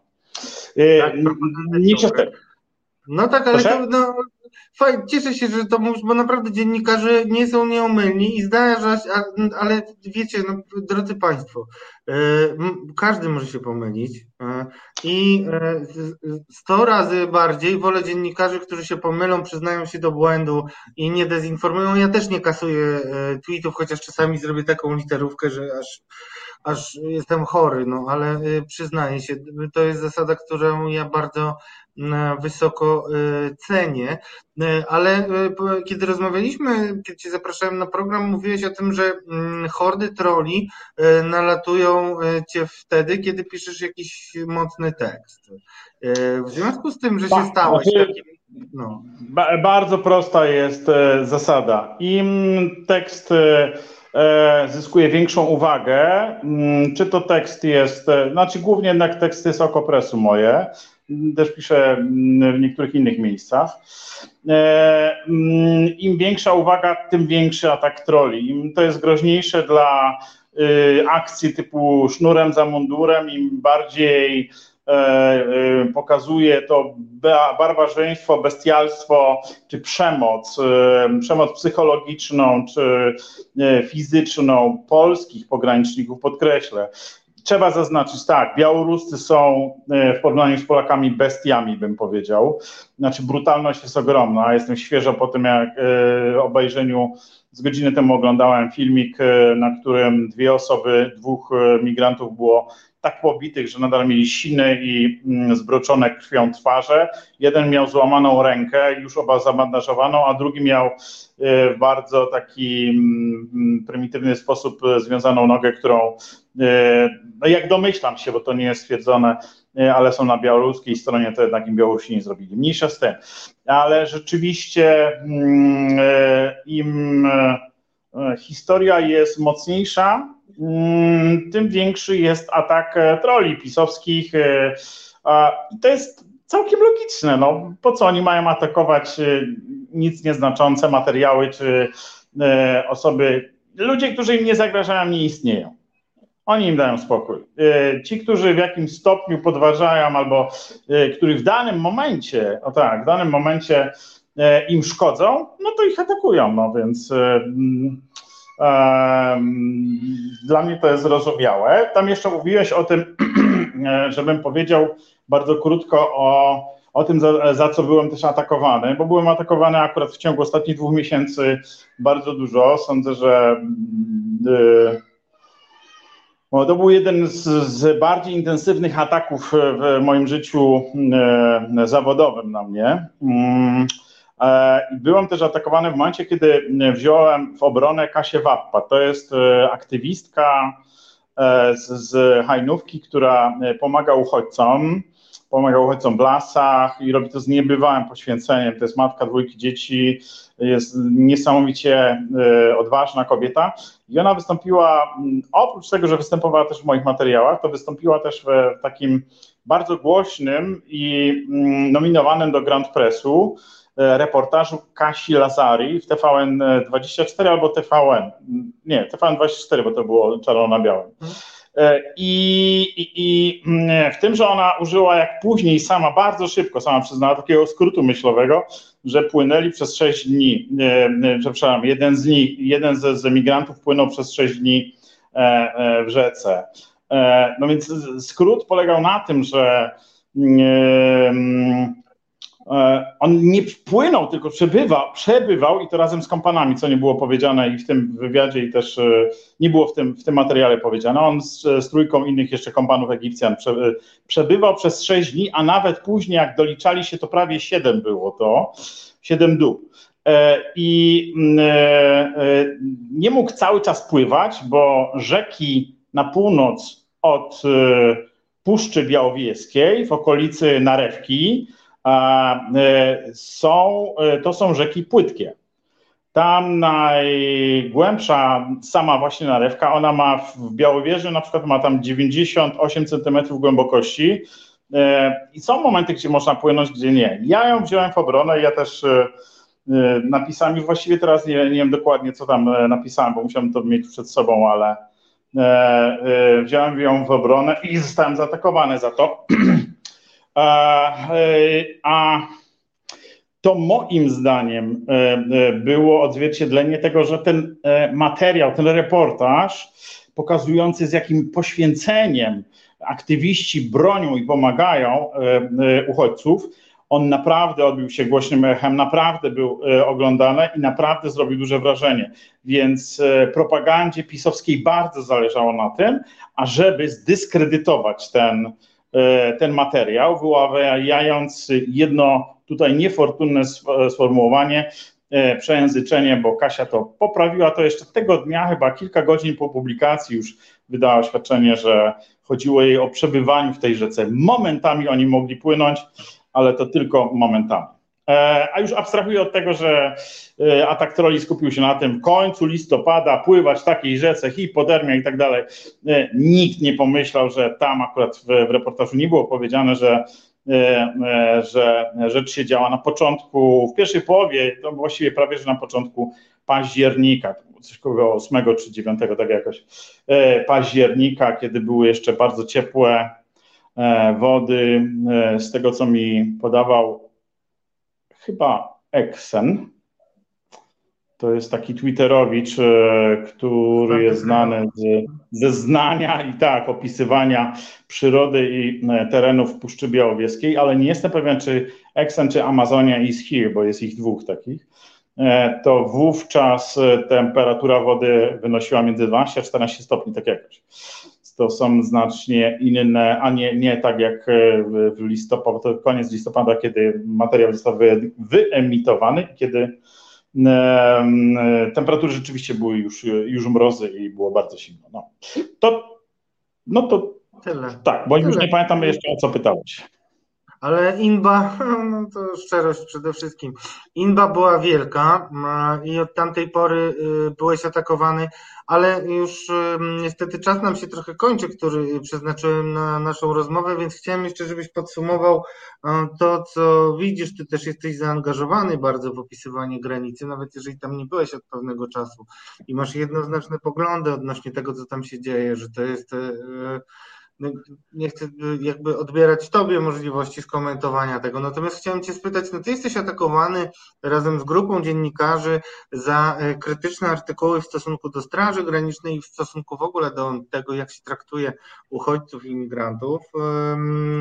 E, I jak Ty reagujesz e, na taką, czy uważasz, że to jest autentyczne? Czy ta akcja murem za mundurem ma jakikolwiek taki autentyczny, społeczny oddolny wymiar, czy ty uważasz, że to jest kompletnie sterowane? Bo powiem szczerze, to jest dla mnie tak jakoś toporne w przekazie i jak widzę te e, filmiki propagandowe w TVP Info, to czy to ktoś kupuje tą historię? Czy, bo ja rozumiem, że można nie chcieć o tym myśleć, tak? Można mieć to w nosie nawet, tak? Bo ja na przykład nie chcę o tym myśleć, ale się zmuszam, bo to jest dla mnie trudne do myślenia. Ale, ale niektórzy mogą mieć to w nosie. No, generalnie jesteśmy społeczeństwem, które e, współczujące e, jest chyba, e, no, no rzadko jest współczujące, tak bym powiedział. Jak ty myślisz, to jest autentyczne, czy to jest tylko i wyłącznie jakieś spinowanie ze strony mm, władców, troli i propagandowych dziennikarzy? Absolutnie, tylko i wyłącznie. To jest akcja propagandowa. Y, tam, na, oni nawet nie udają, że to jest gdzieś tam, y, y, że to powstało oddolnie od ludzi. Nie. Typowa akcja propagandowa, która ma umocnić pozycję i sytuację właściwie pograniczników, bo trzeba powiedzieć, że w październiku część z pograniczników, nie wiadomo jaka, bo tego się nie dowiesz ani od Straży Granicznej, ale mieliśmy bardzo dużo sygnałów o tym, iż e, e, pogranicznicy nie chcą brać udziału w tym barbarzyństwie. To, co się dzieje na granicy, to jest barbarzyństwo. Wyrzucanie ludzi na mróz, wyrzucanie rodzin z dziećmi, większość z tych, których ja spotkałem, to były rodziny z dziećmi, wyrzucanie nawet kobiet w ciąży, zaawansowanej ciąży, na mróz, za druty, w las, w ciemny. One po kilka tygodni tam są. Ja doliczyłem się y, co najmniej dziesięciu przypadków, których kobiety ciężarne y, straciły na granicy swoją ciążę. Tak, Polska dba o, y, o życie poczęte. Więc ta działalność, to co robi, robią służby mundurowe, to, to jest barbarzyństwo. Frasyniuk bardzo dobrze to określił jeszcze chyba w, w sierpniu to było. Mm, więc ci ludzie, część z nich nie chciała w tym brać udziału, chodziła na L4. Widać było, że kruszy się taka jedność, e, że trzeba to jakoś e, wspomóc, wesprzeć. Jednocześnie też widać było, że w społeczeństwie rośnie niechęć do tego, co robią e, mundurowi, bo ilość tych historii była zatrważająca. Ja nie nadążałem z opisywaniem tego, e, tych historii, tych tragicznych, które tam się działy. To była. E, to, codziennie mógłbym kilka historii takich napisać. To do, do, tego stopnia. To było, a to ja mógłbym, a jakbym, a dziennikarze to mogli pisać po kilkadziesiąt. To, to są set, były setki ludzi, którzy przeżyły koszmarne rzeczy, e, gorsze z rąk Białorusinów, ale to wcale nie usprawiedliwia naszych. Wręcz przeciwnie, bo oni ich wyrzucają do tych Białorusinów. E, więc akcja murem za mundurem e, ma wesprzeć tych ludzi, E, pracujących w mundurach, którzy bardzo często nawet e, nie noszą e, żadnych emblematów. Nie ma informacji o tym, czy to jest Wojsko Polskie, czy WOT. W przypadku Straży Granicznej to zazwyczaj jest, ale ja spotykałem się z oddziałami, które nie miały. Twierdziły, że są ze Straży Granicznej. A po czym miałam poznać? No na aucie mamy, wychodzę, a na aucie nic nie ma. To gdzie pan to ma?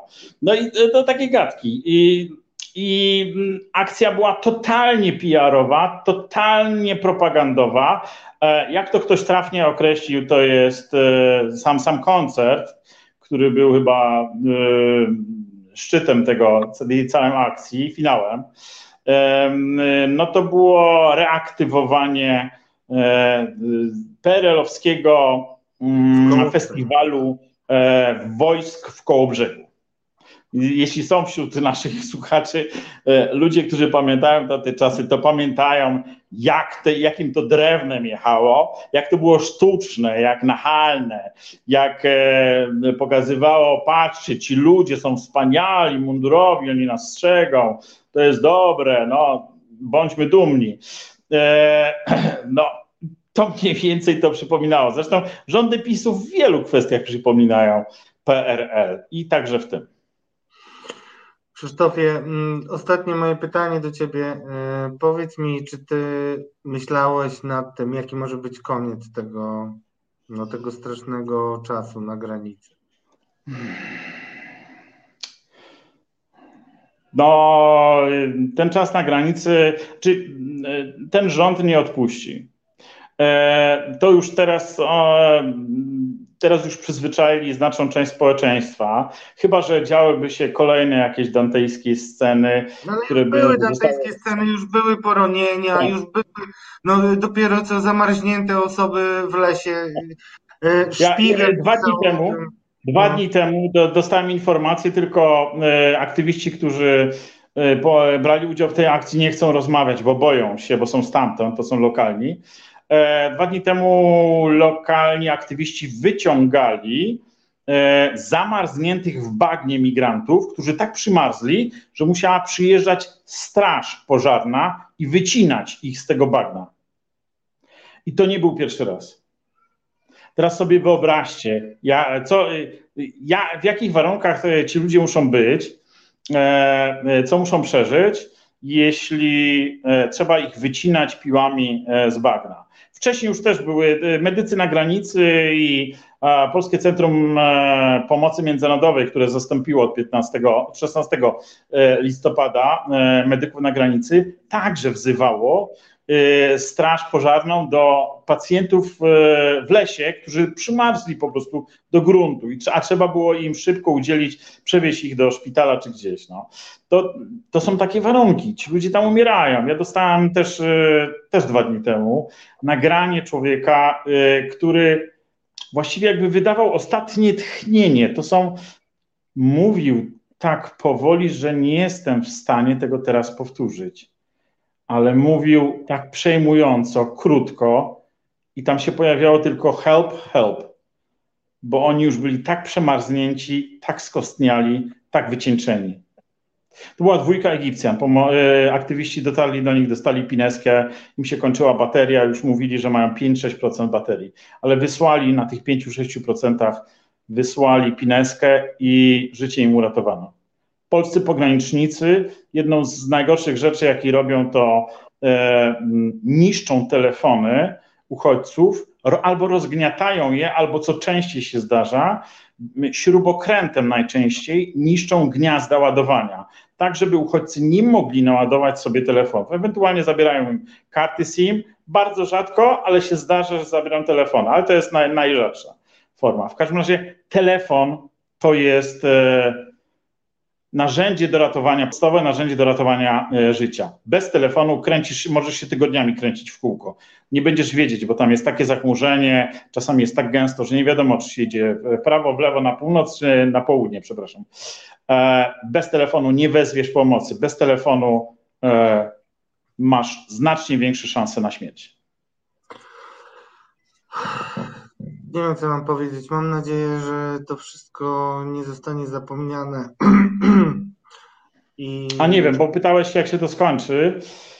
Nie wiem. Znaczy, y, to się w innych krajach się nie kończy, bo to nie jest tak, że, y, że to jest koniec. Całkiem niedawno rozmawiałem z e, szefem Human Rights Watch. To jest taka jedna z największych międzynarodowych organizacji, które zajmują się prawami człowieka na świecie w 90 krajach e, badają tę kwestię łamania praw człowieka.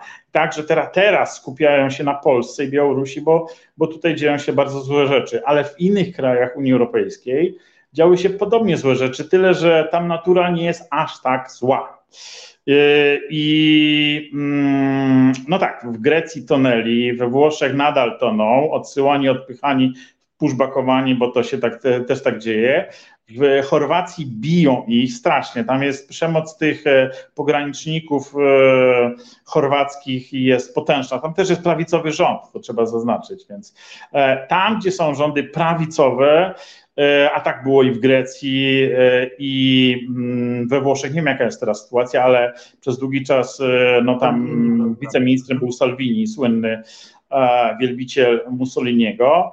E, i w Chorwacji, gdzie jest właśnie ten prawicowy nadal rząd, no to tam e, ci pogranicznicy dostają carte blanche na traktowanie e, uchodźców, czy też migrantów bardziej, to jest właściwe słowo, no i traktują ich tak, żeby ich zniechęcić. A najgorsze w tym jest, że Unia Europejska nie wyciąga żadnych sankcji. Przymyka na to oko i powiedziałbym, że to jest działanie systemowe. E, rozmawiałem o tym i z politykami, i wiem, że i w Niemczech po prostu boją się, e, że wspierając migrantów, e, będzie rosła w siłę prawica, skrajna prawica. Tam to się nazywa AfD. W tym momencie na przykład Macron we Francji ma, to są dane sprzed kilku dni, 25% poparcia, Marie Le Pen coś między 15 i 17, Marie Le Pen to jest tak, wiemy. E, prawicowe, ale to, to takie łagodniejsze e, ugrupowanie. I trzeci e, z, z, kandydatów, właśnie nie zapomniałem jego nazwiska, to jest pisarz jakiś, tak? Który wypłynął, mhm. jest ultraradykałem i on ma mniej więcej takie samo. Czyli tak naprawdę poparcie dla dwóch prawicowych polityków jest wyższe niż dla głównego kandydata demokracji. I to jest zagrożenie. I ci politycy, oni Zgadzają się. Mało kto wie w Polsce, że w Stanach też są robione pushbacki, nadal za Bidena. Będziemy wracać do tego, y, bo musimy niestety już kończyć, drogi. Krzysztof. Serdecznie Cię pozdrawiamy. Y, I Dziękuję bardzo i jeszcze raz przepraszam za, za spóźnienie swoje, zwłaszcza Ciebie Radku, bo dałam, dałam ciało. Nie ma problemu, wszystkiego dobrego, dużo zdrowia na przyszły rok. Zapraszamy Cię też do kolejnych programów. Pozdrawiam. Na razie. Naszym gościem był Krzysztof Boczek, a teraz już błyskawicznie, choć na krótko, łączymy się z Katarzyną Piekarską, panią posłanką Koalicji Obywatelskiej. Dobry wieczór, pani posłanko. Mam nadzieję, że mnie słychać. Słychać, kiepsko, ale słychać. Powiedzmy, y, no cóż, to w takim razie na jednym wdechu. Pani posłanko, pani, y, dobrze, to dwa pytania. Pierwsze, ma pani pomysł, jak ukrócić cierpienie zwierząt, które powtarza się co roku w Sylwestra w związku z uwielbieniem Polaków dla fajerwerków. Jaki to jest pomysł? Znaczy, to są w zasadzie dwa pomysły, bo jeden to jest na pewno edukacja, edukacja i jeszcze raz edukacja.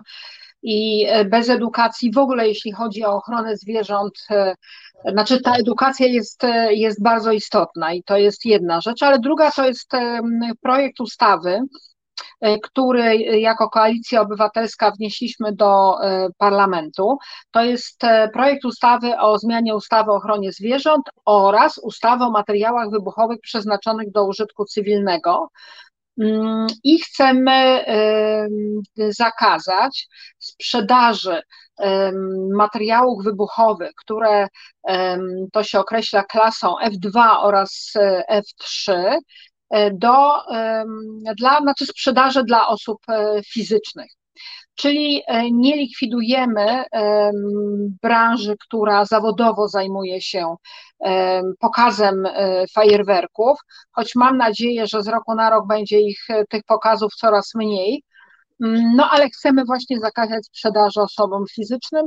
E, uznajemy, że to no, mm, spowoduje, że tych pokazów e, sztucznych ogni, ogni czy tego odpalania e, petard hukowych będzie po prostu mniej. I apelujemy też do władz samorządowych o to, aby zrezygnować z pokazu fajerwerków na E, rzecz e, równie widowiskowych, równie wspaniałych, a nie powodujących e, szkody mm, zwierzętom pokazów laserowych. One są po prostu bezpieczne i i równie, równie efektowne. Ja zresztą myślałam, że uda się może jeszcze przed tym Sylwestrem uchwalić tę ustawę, no ale bo, bo to jest malutka ustawa, ona jest taka, o pokażę, to na jednej kartce A4 ona się mieści, więc jest taka malutka, no ale niestety nie udało się, choć została skierowana już do pierwszego czytania e, do Komisji Administracji Spraw Wewnętrznych oraz do Komisji Rolnictwa, ale kiedy to, to pierwsze czytanie się odbędzie, to niestety e, no, nie wiadomo, ale liczę na to, że parlament jeszcze w tej kadencji uda się, aby tę ustawę uchwalić. No i tym smutnym, e, no, smutnym wydarzeniem, to znaczy e, smutną okolicznością niedoprowadzenia do e, uchwalenia tej ustawy kończy się rok, który miał być dla praw zwierząt, dla dobra zwierząt przełomowym. No i dlatego, mimo że niedużo czasu nam zostało, chciałbym, żeby Pani to podsumowała, bo Piątka dla zwierząt miała zlikwidować fermy futerkowe. Na początku nawet pierwotnie były takie pomysły. E, były pomysły mm, uwolnienia psów z łańcuchów, przynajmniej w pewnym stopniu. Masę bardzo pozytywnie odbieranych, na pewno gremialnie popieranych przez opozycję, ale też popieranych przez wielu Polaków rozwiązań przegłosowaliście w Sejmie, bo to też jest dość istotne. No, Panie redaktorze, no, ale jedną rzecz chciałam powiedzieć, że od nas konsumentów bardzo wiele zależy, e, bo kwestia karpia i sprzedawania tego żywego karpia w te reklamówki foliowe, niesienia żywego zwierzęcia do domu, puszczania go do wanny i tak dalej, i tak dalej, e, miała miejsce przez wiele lat, ale właśnie dzięki temu, że y, konsumenci mm, przestali też na skutek właśnie tych akcji edukacyjnych kupować tego żywego karpia, to duże sieci handlowe w zasadzie wycofały się ze sprzedaży tych żywych karpi, które są stłoczone w różnego rodzaju wanienkach. Pojawiły się filety, bądź pojawiły się ryby, które, które no, uprzednio były uśmiercone i po prostu były wykładane na, na lodzie. W związku z tym no, od nas, konsumentów, bardzo wiele zależy i mam nadzieję, że zamiast e, tej paczki fajerwerków kupmy może paczkę karmy na przykład dla zwierząt i zanieśmy do najbliższego e, schroniska. To dopiero będzie ta prawdziwa petarda. Hmm. Ale wydawało się, że jednak wśród y, polityków, y, a nie, no to, to wszystkich zachęcam do tego, naprawdę, zróbmy to po prostu, y, to pierwsza rzecz, bo to jest mała rzecz, która może sprawić, że świat będzie trochę lepszy, więc nie zostawiajmy tego, nie zrzucajmy tego na, na nikogo, tylko weźmy sprawę w swoje ręce. Ale czy wierzy Pani, że jeszcze w tej kadencji, ona niedługo się skończy, zostało półtora roku jest szansa, żeby mm, no, Jarosław Kaczyński, który jest znany z miłości dla zwierząt, nawet w ostatnim wywiadzie mówi o swoim kocie kochanym, e, i zawsze to, to jest to trochę taka ludzka twarz, jest jego chyba jedyna miłośnika mm, zwierząt. Czy jest jakakolwiek szansa, żeby piątka dla zwierząt albo inne, przynajmniej mm, nie, nie tak daleko idące, ale pozytywne dla praw zwierząt przepisy zostały uchwalone Pani zdaniem? Czy fiasko tej operacji spowoduje, że tak naprawdę temat jest zamknięty i dopóki ta władza e, się nie skończy, to zwierzaki no, muszą znaczy ja mam taki pewien mały sukces, to się muszę pochwalić, mianowicie udało mi się przekonać ministra Czarnka do tego, aby wpisał e, do kanonu lektur szkolnych taką e, książeczkę dla klas 1-3, to się nazywa Psietrowski, autorem jest Tom Justyniarski. Mm, udało się też przekonać do tego, że ta edukacja prozwierzęca, tego w ogóle szacunku do otaczającego świata, jest, e, jest bardzo ważna i w tej chwili pan Tom Justyniarski opracowuje takie specjalne scenariusze lekcji mm, dla, dla nauczycieli, takie gotowce, jak fajnie rozmawiać z dzieciakami, e, aby nauczyć tej wrażliwości, tak jak się uczy tej tabliczki mnożenia od najmłodszych lat, mm, e, właśnie z dziećmi. I być może uda się właśnie już od września takie, jakie to nazywam, lekcje miłości do zwierząt do szkół wprowadzić. I to by również było bardzo ważne, bo część z nas wynosi to z domu, taką właśnie empatię w stosunku do, do zwierząt, część jej nie wynosi, więc po prostu tej, tej empatii trzeba, trzeba nauczyć. Ten parlament też zmienił przepisy, jeśli chodzi o no to nas, tu jest taki cudzysłów, psie emerytury. I to również jest bardzo ważne, żeby po odejściu e, ze służby psy e, i konie, które były używane przez różne służby mundurowe, no, za, otrzymywały mm, jakieś środki, otrzymywał opiekun, aby no, miały po prostu godną starość, bo na tę starość ratując ludzi, szukając narkotyków, pracując w różnego rodzaju służbach, po prostu Mm, zarobiły. I to była taka, taka sytuacja, że ja skierowałam taki projekt ustawy jeszcze w 2019 roku, bardzo szybko, jak tylko zostałam e, zaprzysiężona w tej kadencji na e, posłankę. Udało mi się przekonać moich kolegów. Taki malutki projekt został złożony. Tam były właśnie te emerytury dla zwierząt oraz zakaz występów zwierząt w cyrkach. Potem pojawiła się mm, piątka dla zwierząt. Te przepisy poszły razem. No niestety mm, no ten projekt razem z piątką dla zwierząt chyba, chyba już można powiedzieć, że legislacyjnie umarł, bo nie sądzę, żeby, żeby ktoś powrócił do tej ustawy, choć teoretycznie jest to możliwe, bo e, Senat, e, Senat przygotował poprawki, przegłosował je, no i praktycznie Sejm powinien się tym zająć, no ale raczej już się nie zajmie. A potem rząd przygotował własny projekt ustawy dotyczący właśnie tych emerytur dla zwierząt. Więc myślę sobie, że może trochę zainspirowałam e, rząd, ale zazdrosna nie jestem, bo to mm, poprawia sytuację zwierząt. Zresztą zdarzyła się taka też wyjątkowa sytuacja, że byłam sprawozdawcą projektu e, rządowego, ale tutaj no, prawie ponad podziałami, chyba no, prawie jednogłośnie ten, ten projekt po prostu został, został e, przyjęty, więc trochę się udało. Czy uda się więcej? No mam nadzieję, że uda się z tymi materiałami e, wybuchowymi. Jest też przygotowany projekt, duży projekt Koalicji Obywatelskiej, ale niestety nie został mu nawet nadany e, numer druku. Myślę, że władza boi się w ogóle mm, ruszyć ten temat, ponieważ no, za, na piątce dla zwierząt bardzo się Prawo i Sprawiedliwość i w ogóle Zjednoczona Prawica sparzyła. Więc nie sądzę, żeby w tej kadencji był powrót do tego, żeby przygotować jakąś dużą, kompleksową ustawę. No ale może chociaż te mniejsze zmiany um, uda się przeprowadzić, na co bardzo liczę. Też jest teraz w konsultacjach takie rozporządzenie ministra e, rolnictwa, do którego też e, przekonałam jeszcze pana ministra Ardanowskiego, ale on nie zdążył go podpisać tych zmian. Potem pan Puda też nie zdążył, chociaż mi obiecał. No a teraz jest nowy minister, pan premier Kowalczyk powiedział, że jest już w konsultacjach i że je podpisze. Więc to są takie drobne zmiany, no ale też, które są dla zwierząt bardzo istotne. Ale jeszcze raz powtórzę, od tego jak my się zachowujemy, też bardzo, bardzo wiele e, zależy po prostu. I tym przesłaniem musimy niestety skończyć, chociaż zapraszamy panią posłankę też w przyszłym roku na zdanie sprawy z tego, jak e, się e, prawa zwierząt mają, bo jest pani tą posłanką, która zawsze autentycznie i z pełną determinacją o to dbała. Naszą gościnią była Katarzyna Piekarska. Bardzo serdecznie dziękuję. Dobranoc. Dobranoc. Drodzy Państwo, no taki, taki koniec, jaki, jaki rok.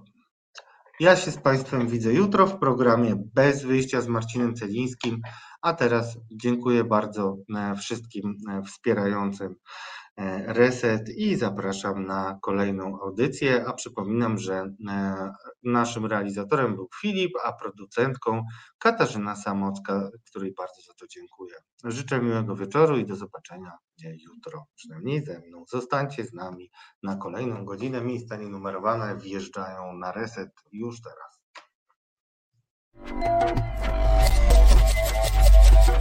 Reset Obywatelski.